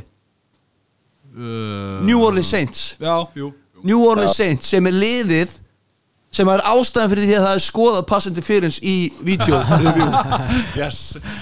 Þannig að þeir eru basically Það var eitt Þetta er svo magnað En aftur, ég skil ekki Af hverju þeir gáðu sér ekki tíma til að skoða þetta. Ég bara, ég, ég, ég næði ekki en, en aftur, bara geggjaða leikur. Ég, ég, ég held að leikurinn var búinn í hálfleik Ég var að sem að fara að sofa En svo fatt ég að þetta var síðasta leikur áratögnum Þannig ég ákvað að klára leikin En hérna, en 49ers Er sama svægi yfir þeim Og var fyrir þremur, fjórum vikum. Matti? Skilur, eru þeir Já, þú veist, þú ferð ekkert inn í, sí, eh, inn í sí, Seattle og mjög Depleted. í lið. Seahawks, það vantaði marga hjá Seahawks. Það þú var veist. margi mittir hjá Seahawks. Já, já, það hefur að vantaði á 49ers alla leiktíðina, sko, en ég er mjög meiri stressaður En hérna, já, en allavega þá er Seahawks, nei, Niners nummer eitt og það er erfitt að halda því fram að þeir ekki skilið. Sjátt á Kittle sem fór yfir back to back 1000 hjarta sísón Geggjað. Garoppolo var til dæmis ekki með incompletion í setni áleik, Já. Það er rosalega sem er, það er fárálegt. En já, þetta, er bara, þetta var ógeðslega skemmtilegt, ég ætla ekki að vera ofmikill hómir hérna, en það var bara, þetta var ógeðslega gaman, ég vona að sem flestir hafi nefnt að vaka yfir þessu. Nákvæmlega. Eh, Þá hefur lokið allan okkar yfirferð á síðustu regular season eh, leikvikunni. Tjóðu bara gaman maður. Þetta er bara skemmtilegt. Nú byrjar ennþá skemmtilega. Uh, Við hendum í pólum daginn. Um offensive rookie of the year. Sem við settum hvað, Kyler Murray, AJ Brown og Josh Jacobs. Meilur til sagði um, AJ Brown en svo kom margir remdu Terry McLaurin. Tóku góðan punkt með það okkur hann að það var valin hann er miklu verra liði heldur að skilja það sé Redskins sem miklu liði heldur nokkur en Titans. En uh, við ætlum að núna tala bara um hvað okkur finnst. Ég- Uh, Það eru eflust margir sem að byrja núna hvort og hvernig því sem enn áttur að taka MVP Elsku. Jó, elsku Jónas Ímir, nú getur þú slögt á þættinum. Nei, nei Jónas, hlusta, þetta er skemmtilegt. Uh, MVP, Lama Jackson. Sammála þar 110 Allir. Hell Allir. yeah, allan daginn. Ok, offensive player year. Michael Thomas. Michael Thomas Chris Ég ætla að segja McCaffrey. Já, McCaffrey getur verið að ég, ég myndi kjósa Michael Thomas. Já, ef með 1725 hjarta, 9 touchdown 10 leiki sem er yfir 100 hjarta gæin er búin að gæja Já, ég, ég, ætla, ég ætla að segja eitt með McCaffrey Hann er búið að fara lítið fyrir honum til að fara fjóru fimm leiki. Já, Skilja hvað hann, við hann er líka, þú veist, hann er þriði leikmaður til að fara í 1000-1000 klubbin og ég vissi að flestir myndu velja Thomas og ég vildi bara koma McCaffrey að í umræðinni Já, backup kortebæknu líka sko en hér bara sama dampi. Já, nokkulega, hann er alltaf með 149 receptions flest allra, hann líka receiving yards lítir Já, já, með geggjað. 1725 yarda. The defensive player of the year. Ég segi TJ Watt hjá Pittsburgh Steelers. Ég segi Stephon Gilmore Sást ekki, Divante Parker pakkunum saman? Jú, eitt leikur. Já, ég Gefa meina hann hérna sex- hérna 15 ég, meina, þú veist, eh, ég, skoða svolítið hvaða liði spilir líka móti sko, það er að segja eh, Petri sko. En, en ég segi TJ Watt en Stefan Gilmore var nummið tvö mér. Matti. ég mitt setti sama á Valur DJ Watt, þú veist, hann er með 14 sacks 7 forced fumbles 4 fumble recovery, 2 interception og 7 pass deflections, veist, þetta er fáralegt við defensive end sko. Já, ég er en samt sko bæða við þessi leikum með Devante Parker Þetta er flesti hjarta sem Stefan Gilmore leift í þrjú sísón Já, við erum bara að tala um þetta síðan sko en, Já, ég er bara að segja, ég er bara að segja Ég er bara að segja, Devonta Parker Ok, ok, hann er defensive player næstu því síðustu þryggja ára. Ég vissi ekki að vorum að velja það. Ok, næsta er offensive rookie year. Við að henda mynda Paul AJ Brown. Þú sér AJ Brown. Já, ég er ótrúlega hrjuna sammála. Nei, Þann tók eða bara fram úr húnu hjá mér síðustu 2-3 leiki út af því að náttúrulega Jacobs er búin að vera hálf laskaður. En, en Jacobs var favorit í byrjun. Já, já, klálega. J Jacobs og Jabbi, ég var svona fann að daðra við Kæle Murray á, á, á köflum en, en sko AJ Brown störtlaður yfir 1000 hjartar og 8 touchdown. Ógeðslega hættulegur hjá ekki betra lið en Titans. Akkurat. Já, Þannig að við, erum við alveg að henda terri með klórin á borðinu? Ég, já. Já, þú veist, þetta er líka bara spurningum wins. Veist, AJ Brown er stór partur af því að þeir séu í play-offs í dag. Sammála því, tekum við það, tekum það. Við, eins og við köllum líka eftir að vantaði, okkur fannst vanta receiver í Titansliði í byrjun ás Já, ég meina- Kannski vanta bara gæði að kasta ári í sífuruna ef að Tannehill, já, hefði spilað alla leiki hjá Titans, hvað var hann þá? Já, góða vá, nákvæmlega. Uh, Defensive rookie the year. Nicky Bosa, Nick baby. Bosa, ekki spurning. Það er ekki spurning. Já, akkurat. Ég tek ekki við öðru, öðrum tilnefningum. Nei, nei, ég með þess að fara að gæla við hann bara í sko defensive player of the year sko, það er góð Já, sko. Það er alveg- að- Fór aðeins minna fyrir honum undir lokin. Já, hann smá eins og Kristján McCaffrey fyrir mér. Minni já, fyrir já. Ég skil samt pointi hjá Magga. Það er svo sem alveg já, valid- alveg valid punktur, 100%. sko. Uh, Tökum smá svona dúleri Comeback player of the year. Sko, ég, sko, menn er að tala um uh, Ryan Tannehill finnst mér sko. Mm. En ég meina, það fyrir eftir hvað við tölum um combo player. Jimmy Garoppolo náttúrulega var meittur og er að koma tilbaka. Nákvæmlega. En Út með þrjú scenariórun Út með Já. Ryan Tannehill, gæði sem átti að vera washed out og treytað sem backup akkurat. Jimmy Garoppolo, meðslapjessin eða skilur gæði svona mittur, kemur tilbaka kemst í playoffs, svo ertu með Darren Waller. Hard Knocks uh, legendi sem að átti erfitt og, og sem fílaði kí, kí, kíl í fötu en hætti því og fann að skora touchdown. Ég, seg, ég segi Ryan Tannehill af því að hann bara kom heilu liði í úslutakefna samála Já, veist, ég, ég, var með Jimmy Garoppolo og Ryan Tannehill, ég segi Ryan Tannehill með þér. Hversu, Þetta er Jimmy fyrir mér. Nú, ok. Hann er quarterback hjá first seed í enn Alveg 100% Já, já. 100% með besta skím í dildinni Ok.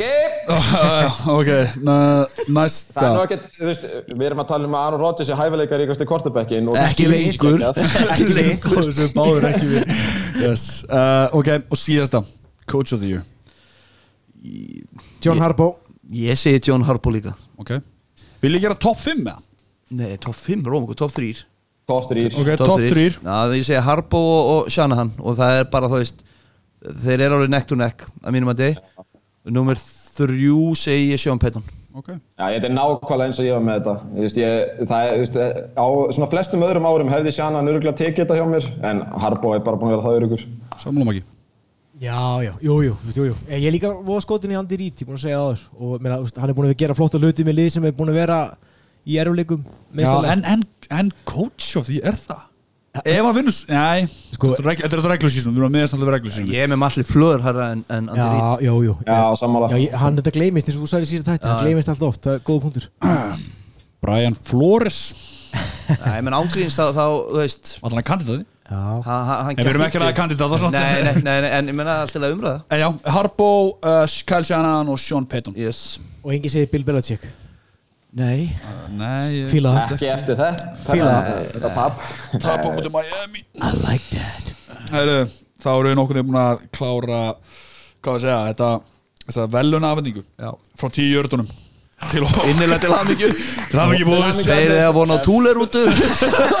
Túlir út og hérna White Fox dollu hver. Það er einu vali uh, Þá höldum við áfram. Við erum alltaf búin að nefna alltaf þess að hérna, Lítarsirurinn, búin að koma á passion lítars og, og allt það. Við ætlum aðeins að skoða þessi þjálfaramál. Hvernig þrýta þau út, Það lausa stöðu núna er uh, New York Giants. Uh, að búið að reka Pat Shermer ekki berið það rétt, Shermer. Uh, Skiptir ekki rétt. Uh, Carolina Panthers búið að reka Ron Rivera Cleveland Browns uh, Freddy uh, Eldhús áhaldi á reikin og uh, Redskins náttúrulega.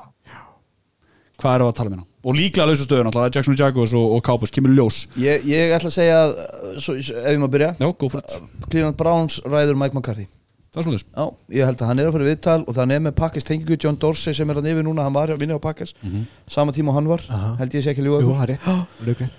Og ég held bara að tengingin þar sér svolítið mikil. Ég sá eitthvað viðtal við McCarthy um daginn sem hann talaði um að hann væri ver, að, búin að vera að uppdata sig og væri búin að vinna svolítið í sínum málum að því að hann var orðinn mjög staðnaður Eitt hérna fyrir nýja hlustundi Mike McCarthy er fyrrum aðalþjálfari Green Bay Packers. Það sem ég sko, ég, ég skil svo vel hvað þetta segja sko, því að í fyrra þegar hann var orðað við þá þá var ég bara já, klálega geggjað að fá hann. En þeir reðu fucking Freddy Kitchens. Þá hugsaði ég, hvað er að þeim? Þeir eru að ráða gæja sem verið offensive coordinator í fjóra leiki sem var bara quarterback coach það þarf á undan.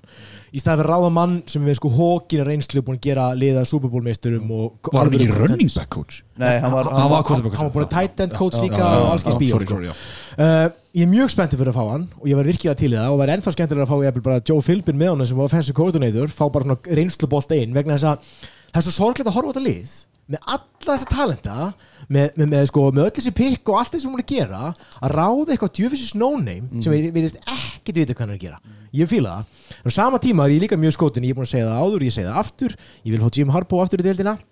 En eftir ég skoðaði Twitter í dag þá sá ég eitt sem að ég var svolítið spenntið fyrir. Það er að fá Josh McDaniels sem er frá Canton, Ohio. Offensive, já offensive coordinator hjá Patriots sem að hafnaði Titans í fyrra. Uh, Hann var fór til Colts í fyrir Já, hitti- fyrra. já, Já, já. en uh, hafnaði þarna á síðustu stundu bara. Hann er frá Canton, væri eitthvað sexy við það. Greg Williams gerir flotta hluti í fyrra, betur hluti Fred Kitchens. Ég var jafnvel til að fá hann. En svo finnst mér bara öskra á mig Erik Bienmi, offensive coordinator hjá Chiefs Mm. sem ég verið ógæst til að fá. Hann, sko, hann gerði geðveika hluti sem running back coach hjá Vikings gerði Adrian Peterson hljópi við 13 til 18 hjarta, fjögur tímbili röð hjá honum skilji, svo var Jamal Charles sem svín uh, lúkaði hjá honum og náttúrulega Mahomes er búin að líta vel út hjá honum með öll sóknulínan hjá Chiefs og ég var til að sjá hann. Næsti Dog Peterson fyrir mér. Er ekki allt bara step up frá Freddy Kittens Jú, jú, er jú, jú. þú ert í rosalegri svona góður í stöðu og tegur við. Reyndar þeir eru með hræðilega sóknulínu þeir þurfa að bæta hann og það fyrsta sem að þjálfur þarf að gera er að fara að hugsa um sóknulínu Já, já. En þú ert með vopn og eh, svo sem veit maður ekki hvern, hvernig það verður eftir, eftir off-seasonið. Hvað með að fá Lincoln Riley sem þekkir náttúrulega Baker. Mayfield vel? Jú. Er það eitthvað? Já Já, Oklahoma. Já. Head coachin þar. Já. Matti Já, já, hann er alveg, þú veist, hann er búin að vera í mikið umræðinni með sérstaklega hérna Dallas-jobbið ef, ef það losnar. En í, þú veist, ég var að vonast eftir að hérna Rivera er því ráðinn til Redskins, nei hérna til Browns, en hann er náttúrulega að fara til Redskins. Mjög líklega þeir segja að hann verði veist, tilkynntur á morgun eða miðvikudaginn. Já Þannig að, í- þú veist, ég veit ekki, þeir eru að fara, búin að byggja viðtal við Greg Roman, offensive coordinator hjá Ravens, Já. Josh McDaniels, náttúrulega Patriots, Robert Sala, defensive coordinatorinn hjá 49ers og ætla að tala held ég líka við Kevin Stefanski sem er offensive coordinatorinn hjá Vikings. Já. Browns, eru er það um Browns, já, við erum að tala um Browns Já, við erum að tala um Browns. Og hérna, þú veist, Greg Roman er náttúrulega öruglega mest spennandi kandidatin eins og staðan er í dag. Erum við ekki þeir- já, erum við ekki sammála um það að Cowboys og, sem er mjög líklega fyrir að losna og Browns í tvö er með spennandi stöðunar Jú Jó, jú. En ég, ég væri svolítið til í að vera, þú veist, mér finnst Panthers jobbið pínu spennandi út af því að ég fíla svolítið eigandan, hann er svona pínu no bullshit, Já, svolítið opinn fyrir nýjum hlutum. já En jú, jú, það er alveg klálega Browns og Dallas sem eru svona, Dallas er Á samt, blaði. Dallas ástæðan sem hann þá er Dallas starfið líka mjög skrítið út af Jerry Jones. Já, uh, Panthers við alltaf Erik uh, Bienimi bleð, ég get ekki búin fram en að offensive coordinator hjá uh, Chiefs. Og Josh McDaniels báðir. Er offensive coordinator hjá Pats er báðir frá viðtraldana við Panthers. Svona alltaf Giants hann er líka að taka það þú veist, uh, lítur þessi að Erik Bienimi Sleeping with Bienmi Já, hann, hérna, hann er að fara nokkuð vitul já, hann er líka sko, uh, fyrir þá sem ekki vita, þá er ákveðin regla í þessum uh, viðtala uh, bransa þegar það lið vilja head coach sem kallast Rooney-reglan. Rooney- Rooney-reglan og hann sko líka er bæði góður kandidat og þessi regla sem gengur út á það að þú þarft að uh, taka viðtal við einn einstakling af Minnihlutahóp. Og hann er blökkumæður og geggjar kandidat þannig að hann mun, þú veist, klára þessa reglu fyrir öll liðin, mjög líklega. Og hann hefur verið að gera það síðustu 2-3 ári eða eitthvað. Já, ég meina, samt sko sóknin hjá Kansas er geggjuð inn í enda til Já. dag sko. þannig að ég, skilja hann ekki að fara í viðtöl. Uh, Giants náttúrulega, Josh McDaniels líka bara eins og alltaf. Og Chris Richard hver er Chris Richard? Er ekki- það er defensive backs coachin og passing game coordinatorinn hjá Dallas. Og hann ymmit fellur undir þessa rúni reglu líka. Já, herru, snilt mér, ég ætla að skjóta hjá mér og ymmit, Chris Richard. Alltaf Giants ekki fara óver en það? Ég ekki horfa mig, ég veit ekki ég, Já, ég meina, ég er bara, ég er bara býst við miklu. Ég vil bara fá Matt Rule inn, hérna, inn á eitthvað þetta starf. Hann er head coachin hjá Baylor Bears í college og samkvæmt uh, mönnum sem veita meir en ég mest svona pro-ready coachin Já, Já, já, hann var, alltaf, hann var valinn alltaf hérna, coach of the year í Big 12 uh, og hann var að þjálfa hjá Giants árið 2012 var í hann- þar svo er hann heit- til. en svo heitir hann alltaf næstu í sama nafn og ég þannig ég vil bara fá hann til að fá mér ykkur að treyta að nafni. Uh, en Jacksonville. Það er ekki þetta komið þaðan út hvað, hvað verður um Doc Marone það kemur að ljósa á morgun að gera það mér sparkið Jú. honum maður. Já, það verður nú mjög næs. Já. já, En- bóttið Svo, Þetta svo er líka sko, það er ekki búið að byggja um viðtal við hann en Vic, Vic Martindale, defensive coordinator hjá Ravens er líka vist mjög sterkur kandidat fyrir flest lið þá bara eftir að koma inn beðinni fyrir viðtali. Já, og það sem er svolítið skemmtilegt við hann er að hann verðist vilja vera paraður með offensive coordinatorunum hjá LSU í college sem er mitt coordinatorun hans Joe Burrow sem er first round pick eða Já. first overall. áhugavert.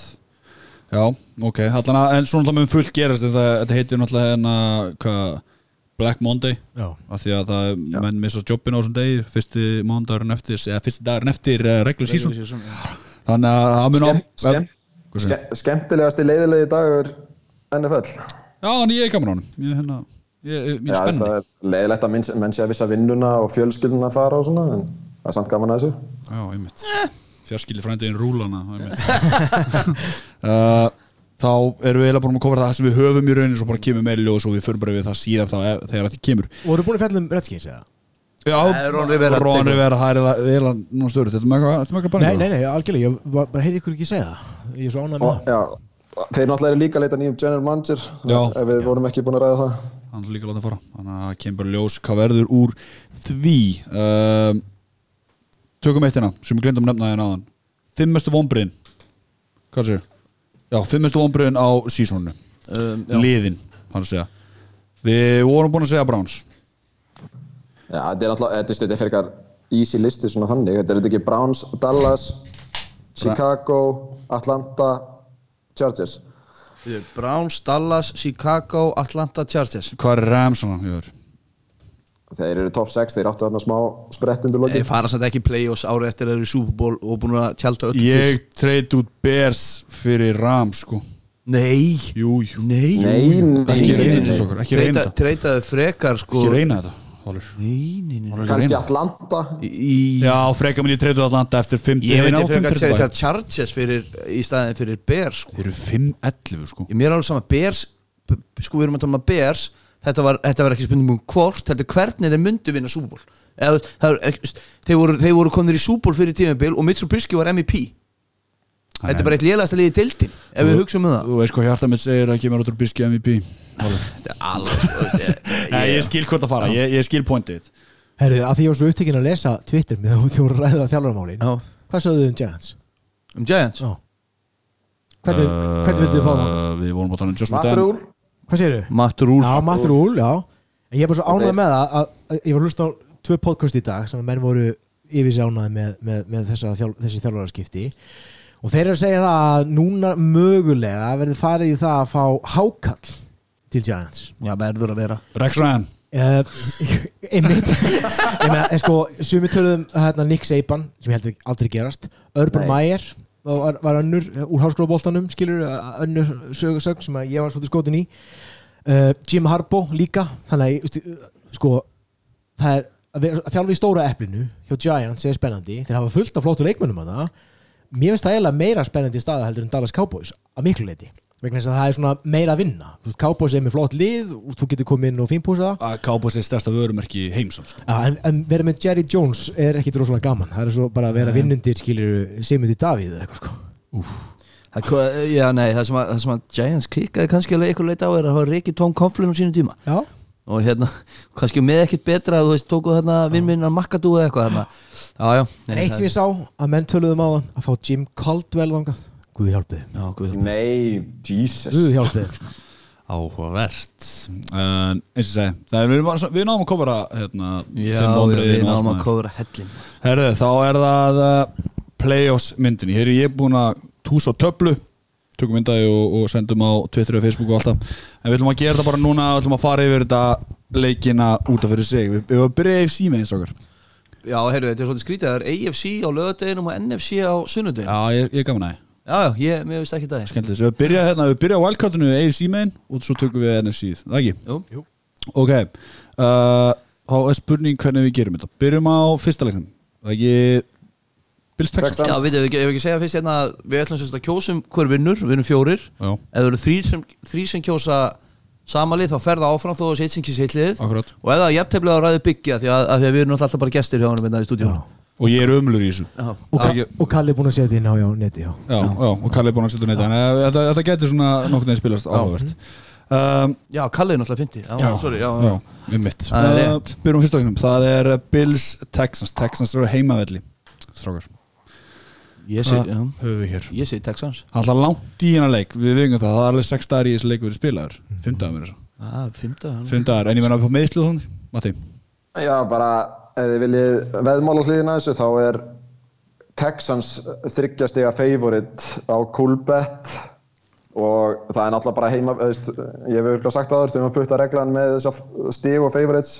Heimavöllinu fær alltaf vel að þrjú stig í forgjöf sama hvað. Þannig að þetta er rauninni bara heimavöllurinn.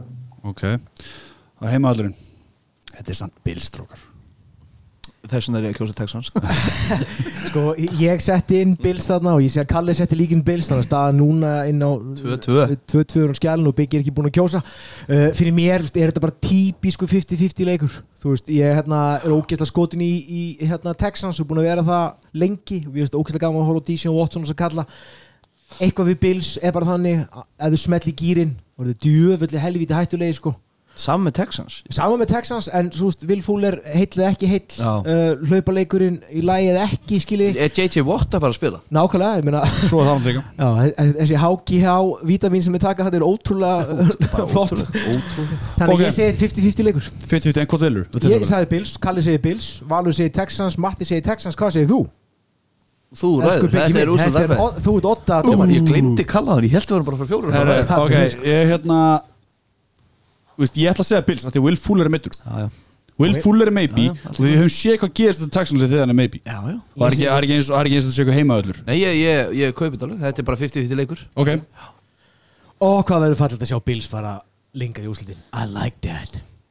Alright alright, þá eru Bills konur áfram í uh, Já, á móti Chiefs. En næsta leikur, það er uh, Pats Og heimaöllur móti Titans. Ég, Já, Kalli segir Pats.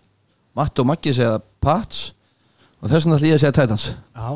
Þetta er algjör, mér finnst þetta líka að vera 50-50 leikur. Já, skrítið að vera að segja. Já, þarna eru Patriots fjóra hálfstega favorit. Og ég finnst það eiginlega of mikið, ég held að þetta getur alveg orðið vel Já.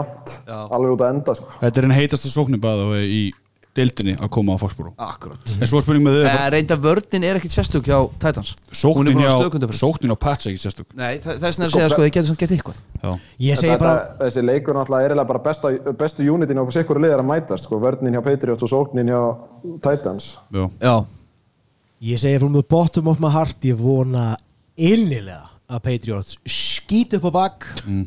skýtu upp á bak Það er eitthvað fallið til það að sjá Ryan Tannehill má ég sann segja eitt Af Því að við veitum allir hvað mjög um Patriots Ég er ekki, ekki, ekki En Patriots Chiefs í AFC semi er geggjað Já, aftur sko. vissulega.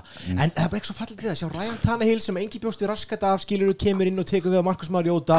Ef hann kem, kemur svo liði áfram í úrslutakefni Neyðu þið höfðingi sko. Akkurat, Ok. Ég Uh, nei, nei, Nei, nei, segir ég segi segir Allir, Patriots sem er valur. Og svo þú eftir að kjósa kútur? Uh, Þá er þetta bara Patriots ég Já, við erum satt í tippleika ekki, er það Þú- búið? Já, ég, vann! Það var enginn að tala að þeim að þeim ég ætla ekki að koma inn á þetta ástæð Já, ég tippleikum okkur í síðan 17 sísón þá vann Matti með eitthvað 151 eða ekki? Já, það er gaman að segja því að hann taldi sem sagt, ég taldi á hann, þetta er ekki rétt. Sk- bara hveti ykkur þess að tella þetta aftur.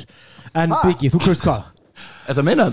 Nei. Nei. Uh, Ég meina, ég segi er. Uh, Ég ætla að halda við, ég ætla að halda við Ryan Tannehill því ég fann tilmúin maður að segja Ryan Tannehill uh, nei. Ég ætla að segja bara Tannehill. Og þess maður geta ég og Biggi vorum í næstu tömmisættunum og við segjum báðu tætans Já, við segjum bara þetta, þannig að tæta sinna Ok, það er ekki Og þá færum við okkur yfir í NFC Wildcard leikurinn þar Sá fyrri er Minnesota Vikings á móti New Orleans Saints í New Orleans, eða ekki?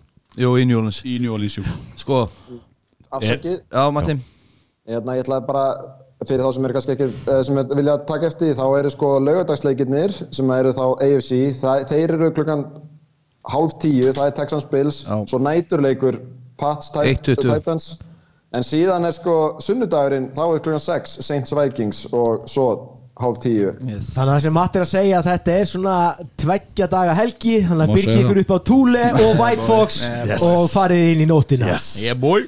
Uh, Ok, er, erum við ekki allir á því að þetta verður nokkuð bara Nú er, komið, nú er árið, Sko, jú, trúbís ár það, það, Vikings, Dalvin Cook. Ég hugsa að hann verður komin aftur. Já, það. Já, hann verður komin aftur Þílen verður hugsanlega árum betri í náranu, ég man ekki hvað hann meitur hann, alltaf er ekki, hann er búin að no-show hann alltaf var ekki með síðast og var ekki með á múti pakkaseldu þó hann var inn á. Já, Ef að þeir tver verða heilir heilsu þá eiga þeir, eiga þeir 25% möguleika. Ég gef þeim ekki meiri sinns. Ekki Því að Saints er bara, bara svo ógeðslega góðir og þeir eru á heimalli Matt Þetta er Búle hérna, sorry, uh, þeir eru 7,5 stiga favorites. Saints sko, þú veist, þetta er leikurinn sem á að vera mesta blowoutið, þú veist, 7,5 í playoffs er alveg slatti sko. Þráttur það að Matt Boone hafi komið stíið þarna upp í, í fjárveru Dalvin Cook þá gerir Saints eitt betur en flest önnum lið það er að svæfa sóknarleikin sammála. Þannig ég held að þetta verður svona típisku leikur ef að Saints smetlur í gýrin varnarlega og þá verður þetta bara ógæðslega strempin uh, leikur fyrir Vikings. Alveg klálega, og þetta er að minni svona Miracle game fyrir Klára, Saints. þetta er alveg típist í en, vennslu en svo er samt, við höfum sagt áður og við getum sagt það ennþá, þetta er eitt leikur í playoffs. Já, en svo Hei, Valur, Ha, viltu breaking news? byrju, hvað er með Breaking News?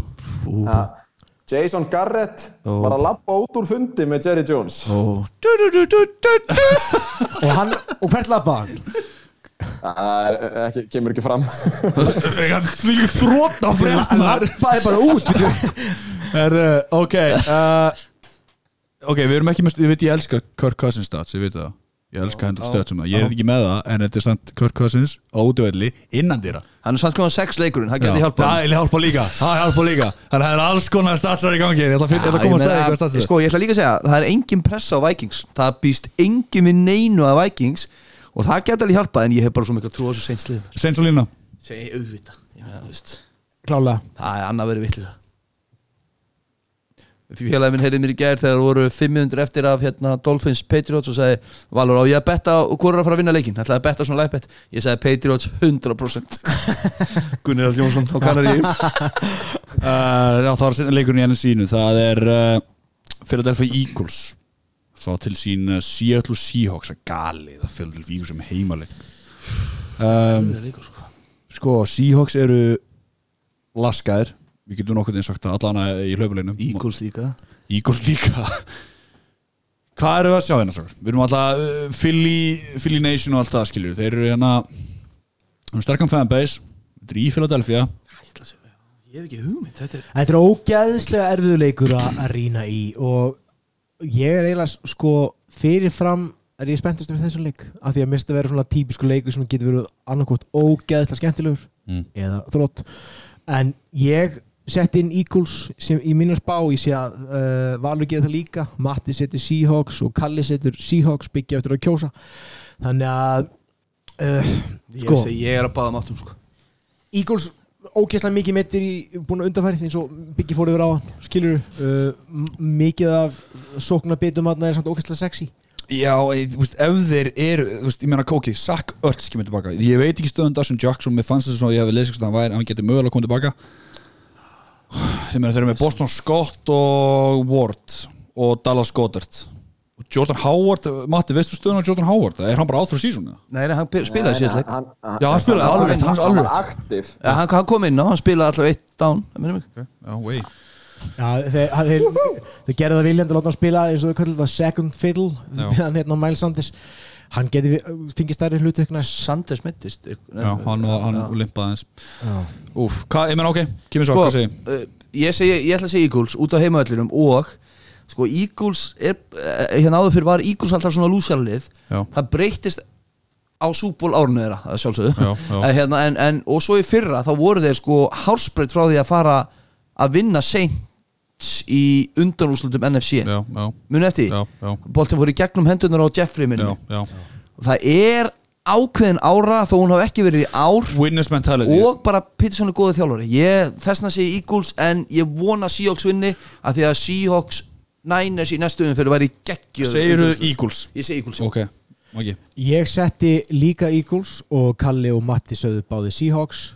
Ég ætla samt að taka það fram Ég vona Seahawks vinni. Já ég líka. Ég elska Pete Carroll, ég dyrka Pete í Carroll. alvörinni Elska hann. Ok, Matti, þú segir Seahawks? Þú ert að fara að endur skoða bara hugmyndina varandi lífið maður Ok, Matti, þú segir Seahawks Ok Ég segi Seahawks, já.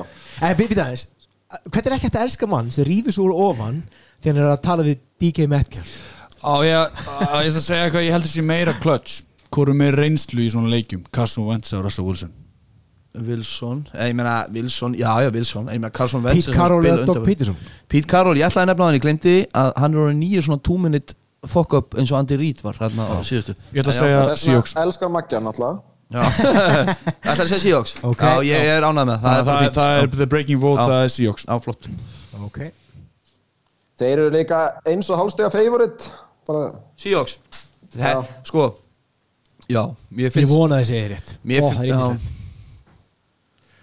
Þá er það Þá e- erum við erum við að klára að það? Flott. ok. Þá er, er næsta umferð Hún væri þá Ravens á móti Titans, Titans. Ravens eru first seatana Já, Ravens klára Þannig að það þeir fá neðar, neðasta sítið sem að hérna, já, já. kemst áfram. Ravens. Þannig að í þessi er það Titans. Og því segir Ravens. Já, já, Ravens Rúlar yfir þá. Voru við unnu Titans Patriots hjá okkur? Já, Nei, nei. Patriots það?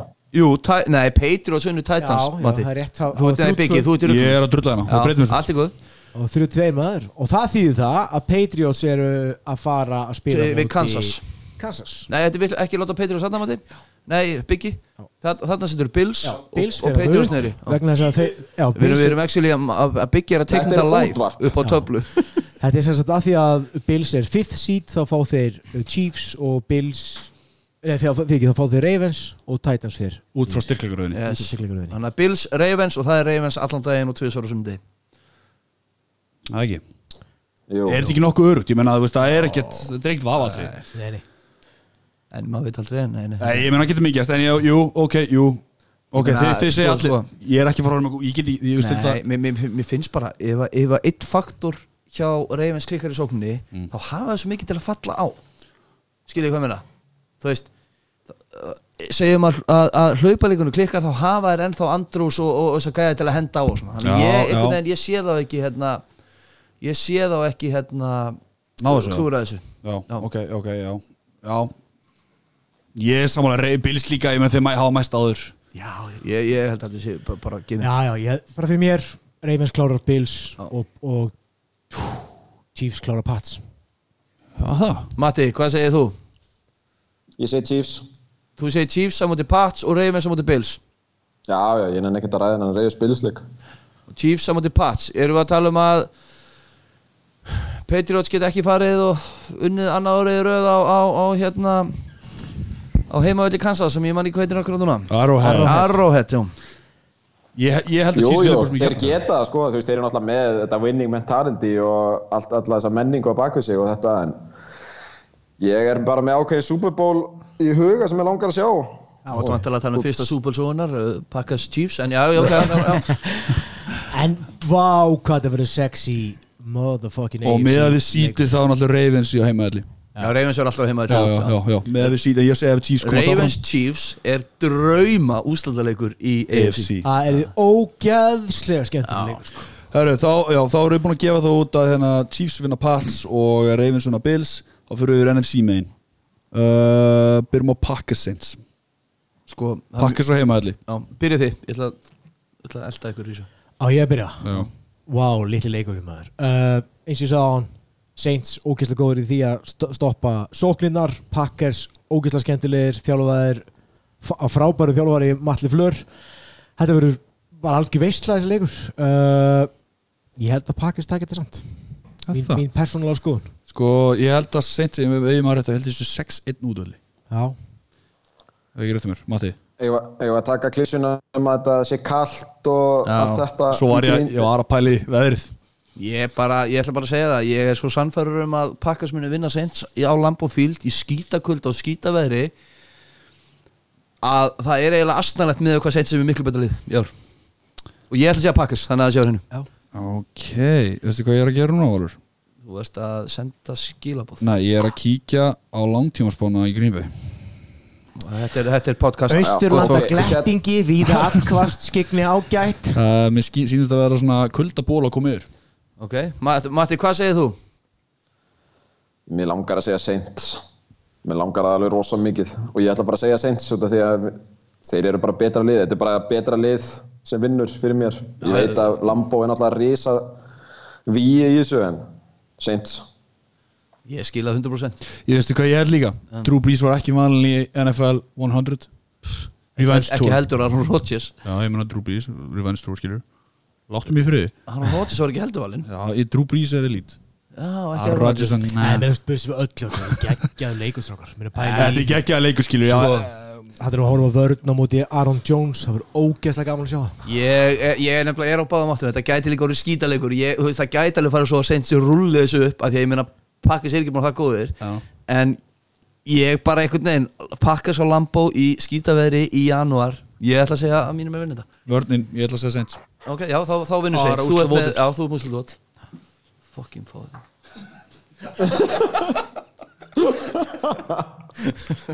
Alright Þetta er alvöru maður. Þetta er alveg Hitti. Þetta Hinn væri- leikurinn er þá Það er Seahawks 49ers. Ég held að af öllum leikið sem að Niners gæti fengið á heimavöllið þarna Það er Seahawks síðasta liðið sem við viljum mæta. Ég er með grunna líka. Hvað segir þú Matti við því? frekar en þá. Bara eitthvað annað í NFC ég, ég hef engar ágjörð þessu. Ok, 49ers. Þú fyrir 49ers, já Já, þú veist bara, sko, þeir verða að koma með D. Ford, mögulega Kwon Alexander, því hann er eitthvað að eiga eitthvað super comeback. Já, Og þetta eru einmitt gæjar sem að henda fullkomlega í Elta Wilson. Þeir eru tveir hröðustu mennirnir í vörninni já og ég held að það gæti alveg sagt sitt í þessu. Og þeir eru á heimavelli og það er einhver svona ára yfir 49ers, finnst mér. Ok Ég er mikil, miklar ágjur af hlaupaleiknum hjá Seahawks uh, Sko búið þeir eru búin að missa svona stór púsl út og, og Marcian Lind sem er búin að vera á sófanum að smóka weed núna í heilt ár sko. Það getur verið erfitt uh, En ég held að Sjan hann vinnið þennan leik því miður. Og ég, ég las einhver staðar sko líka að Seahawks, ef þeir vinna, þá eru þeir bæði búin að ferðast til Philadelphia, sem er langt ferðalag fyrir þá, og eru á stutt, stuttri viku, því að ég held að N NFC, þú veist, þessi leikur væri þá á laugardegi Já. eftir sunnudagsleik Seahawks, þannig að þetta, það er, og 49ers búin alltaf búin að vera á bævík, þannig að það, klítur að telja. Já, Ég segi, ég segi síðan að Niners alltaf. Er þetta ekki eða? Jú, jú, alveg 100% Og þetta væru, ef þetta fær eins og við segjum sem er bæðið við alltaf að betra liði vinnur er mjög frumlega til okkur að hérna að þá væri þetta drauma undanúslit fyrir hérna hlutlösa menn Það er að segja undanúslit fyrir Súból Samála Ravens Chiefs og Saints 49ers Þá er það, já, einmitt, þá er það bara sér konferensleikir Já, Ok, vil ég byrja AFC, NFC með byrjum bara í AFC eins og AFC eins og alltaf. Ok, Ravens heima mútið Chiefs. Patrick Mahomes mútið Lamar Jackson. Shit, hvað það væri góð leikum Vá maður. LaShawn McCoy mútið Mark Ingram. John Harbaugh á móti Andy Reed Reid baby. Vá maður. Uh, Sko Andy Reid að fara í Super Bowl er ógeðslega sexy.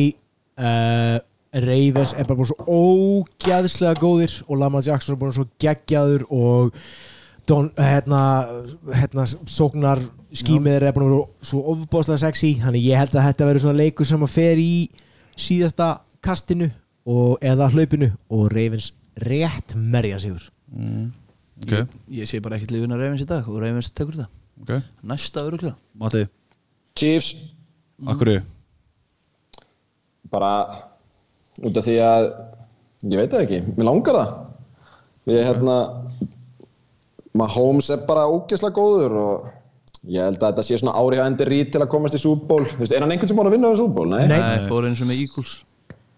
Já, ég væri til að sjá hann í Super Bowl. Mér- þetta er meira svona það sem ég vill heldur en það sem ég held en mér heyrist nú Ravens verið að taka þetta hvað sem er Já, ég held ég sé reyfans Ég bara, þú veist, maður hefur séð þetta svo margóft með Lamar Jackson.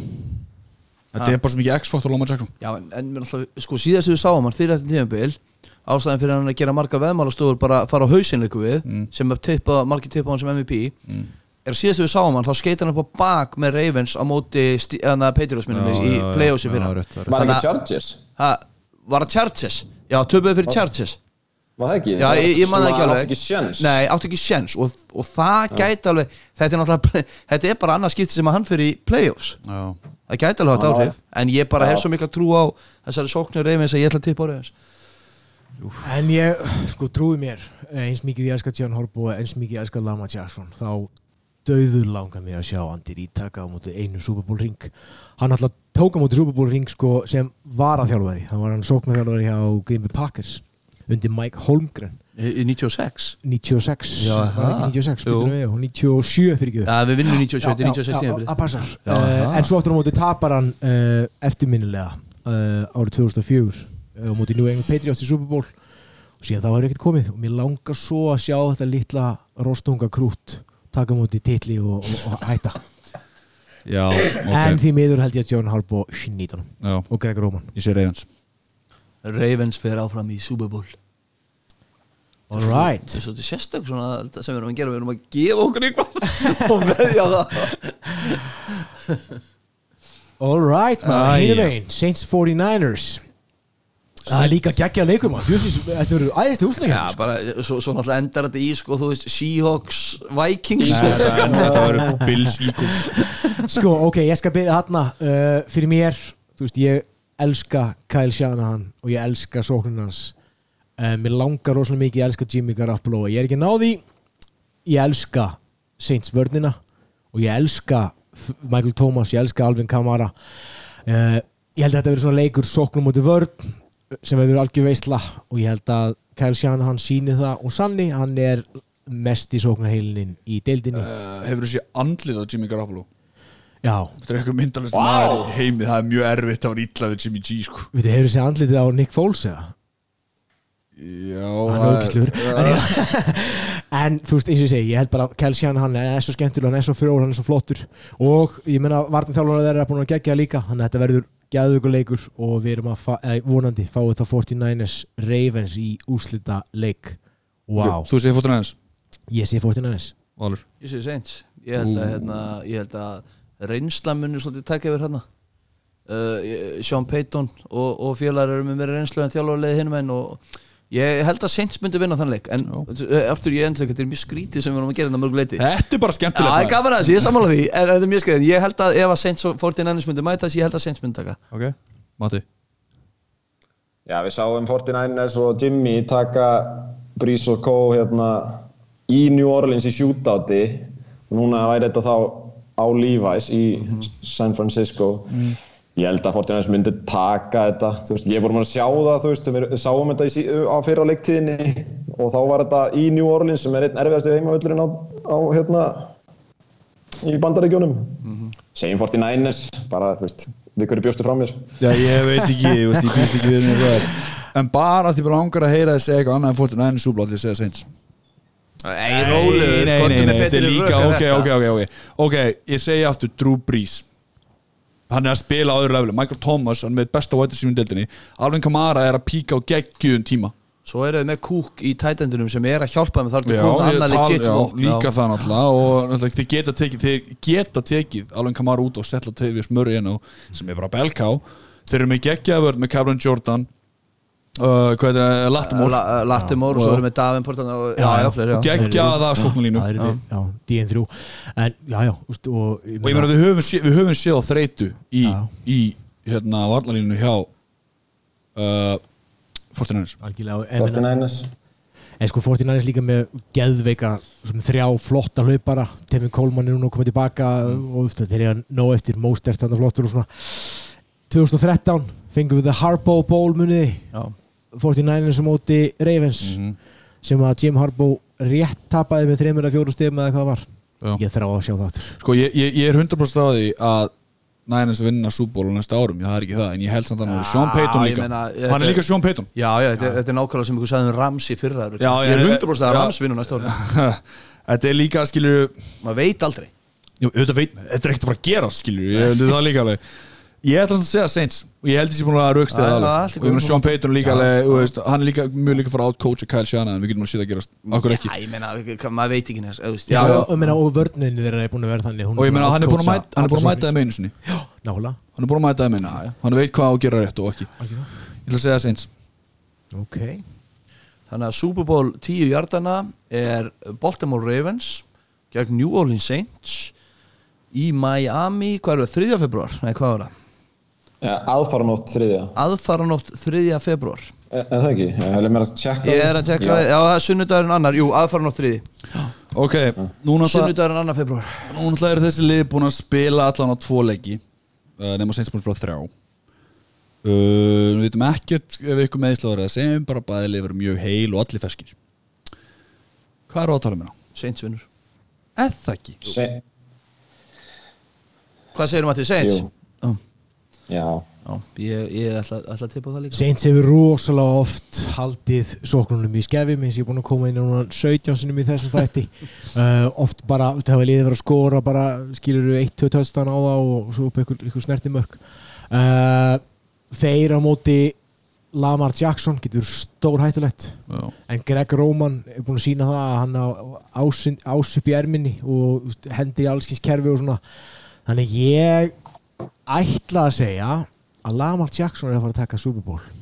Það er svoleiðis. Hann er að fara að henda sér í ring og Mark Ingram sem er búin að hæpa hann upp sem MVP er að fara að eiga leik lífsins átna og þetta verður geggjað leikur.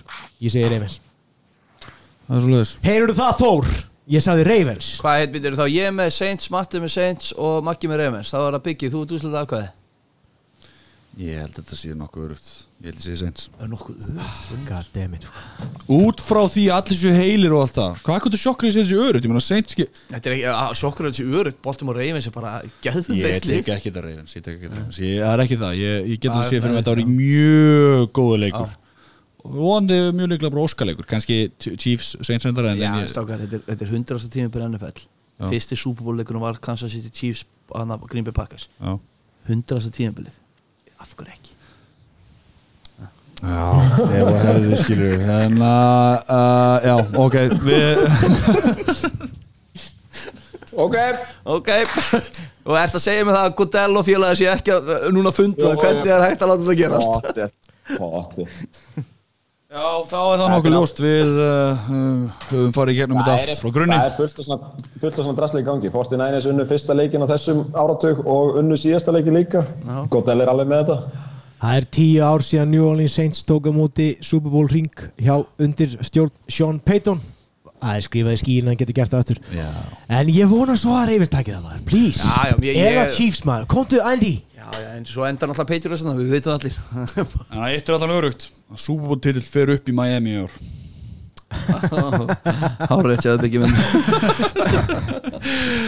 Þú erum að geima þennan lengi. Já, þessi er hvena skrifaður þennan? Skrifa hann held ég í ágúst þegar maður rétt. Herru, þá hefur við lokið okkar. Já, við erum búin að kofra fullt í þessu nætti Búin að klára uppgjör leikur 17 Búin að spá fyrir wildcardi Búin að fara yfir velun Og jari, jari, jara. Playoffs frá grunni út til enda.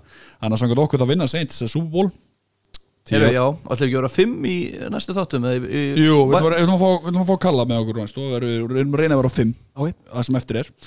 Svo fáum við leikir. Við getum ekki haft þetta mjög langa þetta Þá þá blöðurum við meira og meira og við viljum endilega fá spurningar um umræðinu við hafa ykkur pælingar sem við viljum fyrir yfir. Er ein pæling með uh, bara, og bara besta lið í ár. Vombriði fantasy og fleira. Það er aldrei að vita um við fyrir yfir það en enn segi, dæla okkur spurningum, follow okkur á Twitter, Instagram og Facebook Þetta er síðasti þáttur um þessum ártug Já. Og þessu ári. Þetta er múin að gegja áratug okkur uh, Já, kærleysnandi, takk kærlega fyrir að hlusta. Vá, ég var svolítið lít límir Það árið er að klárast og svona. Gleðt ásakar. Já, þú segir það þegar árið er komið Byggi, ég er búin að segja það. Þú sagði þetta síðast. Já, Takk fyrir ára, ég segi það frekar. Gleðilegt ár, hvað það er, það er sko 30. desember þegar við tökum við. Herri, akkurat. Uh, Matti, takk kærlega fyrir að Maggi, takk fyrir að joina okkur Takk fyrir Já, takk Ma- Matti, takk kærlega fyrir að ringja okkur. Valur, takk fyrir að joina okkur. Gleðilegt ár, kæru Þetta er Birgir Þórun, tíu hjartana, takk, takk. Bless, bless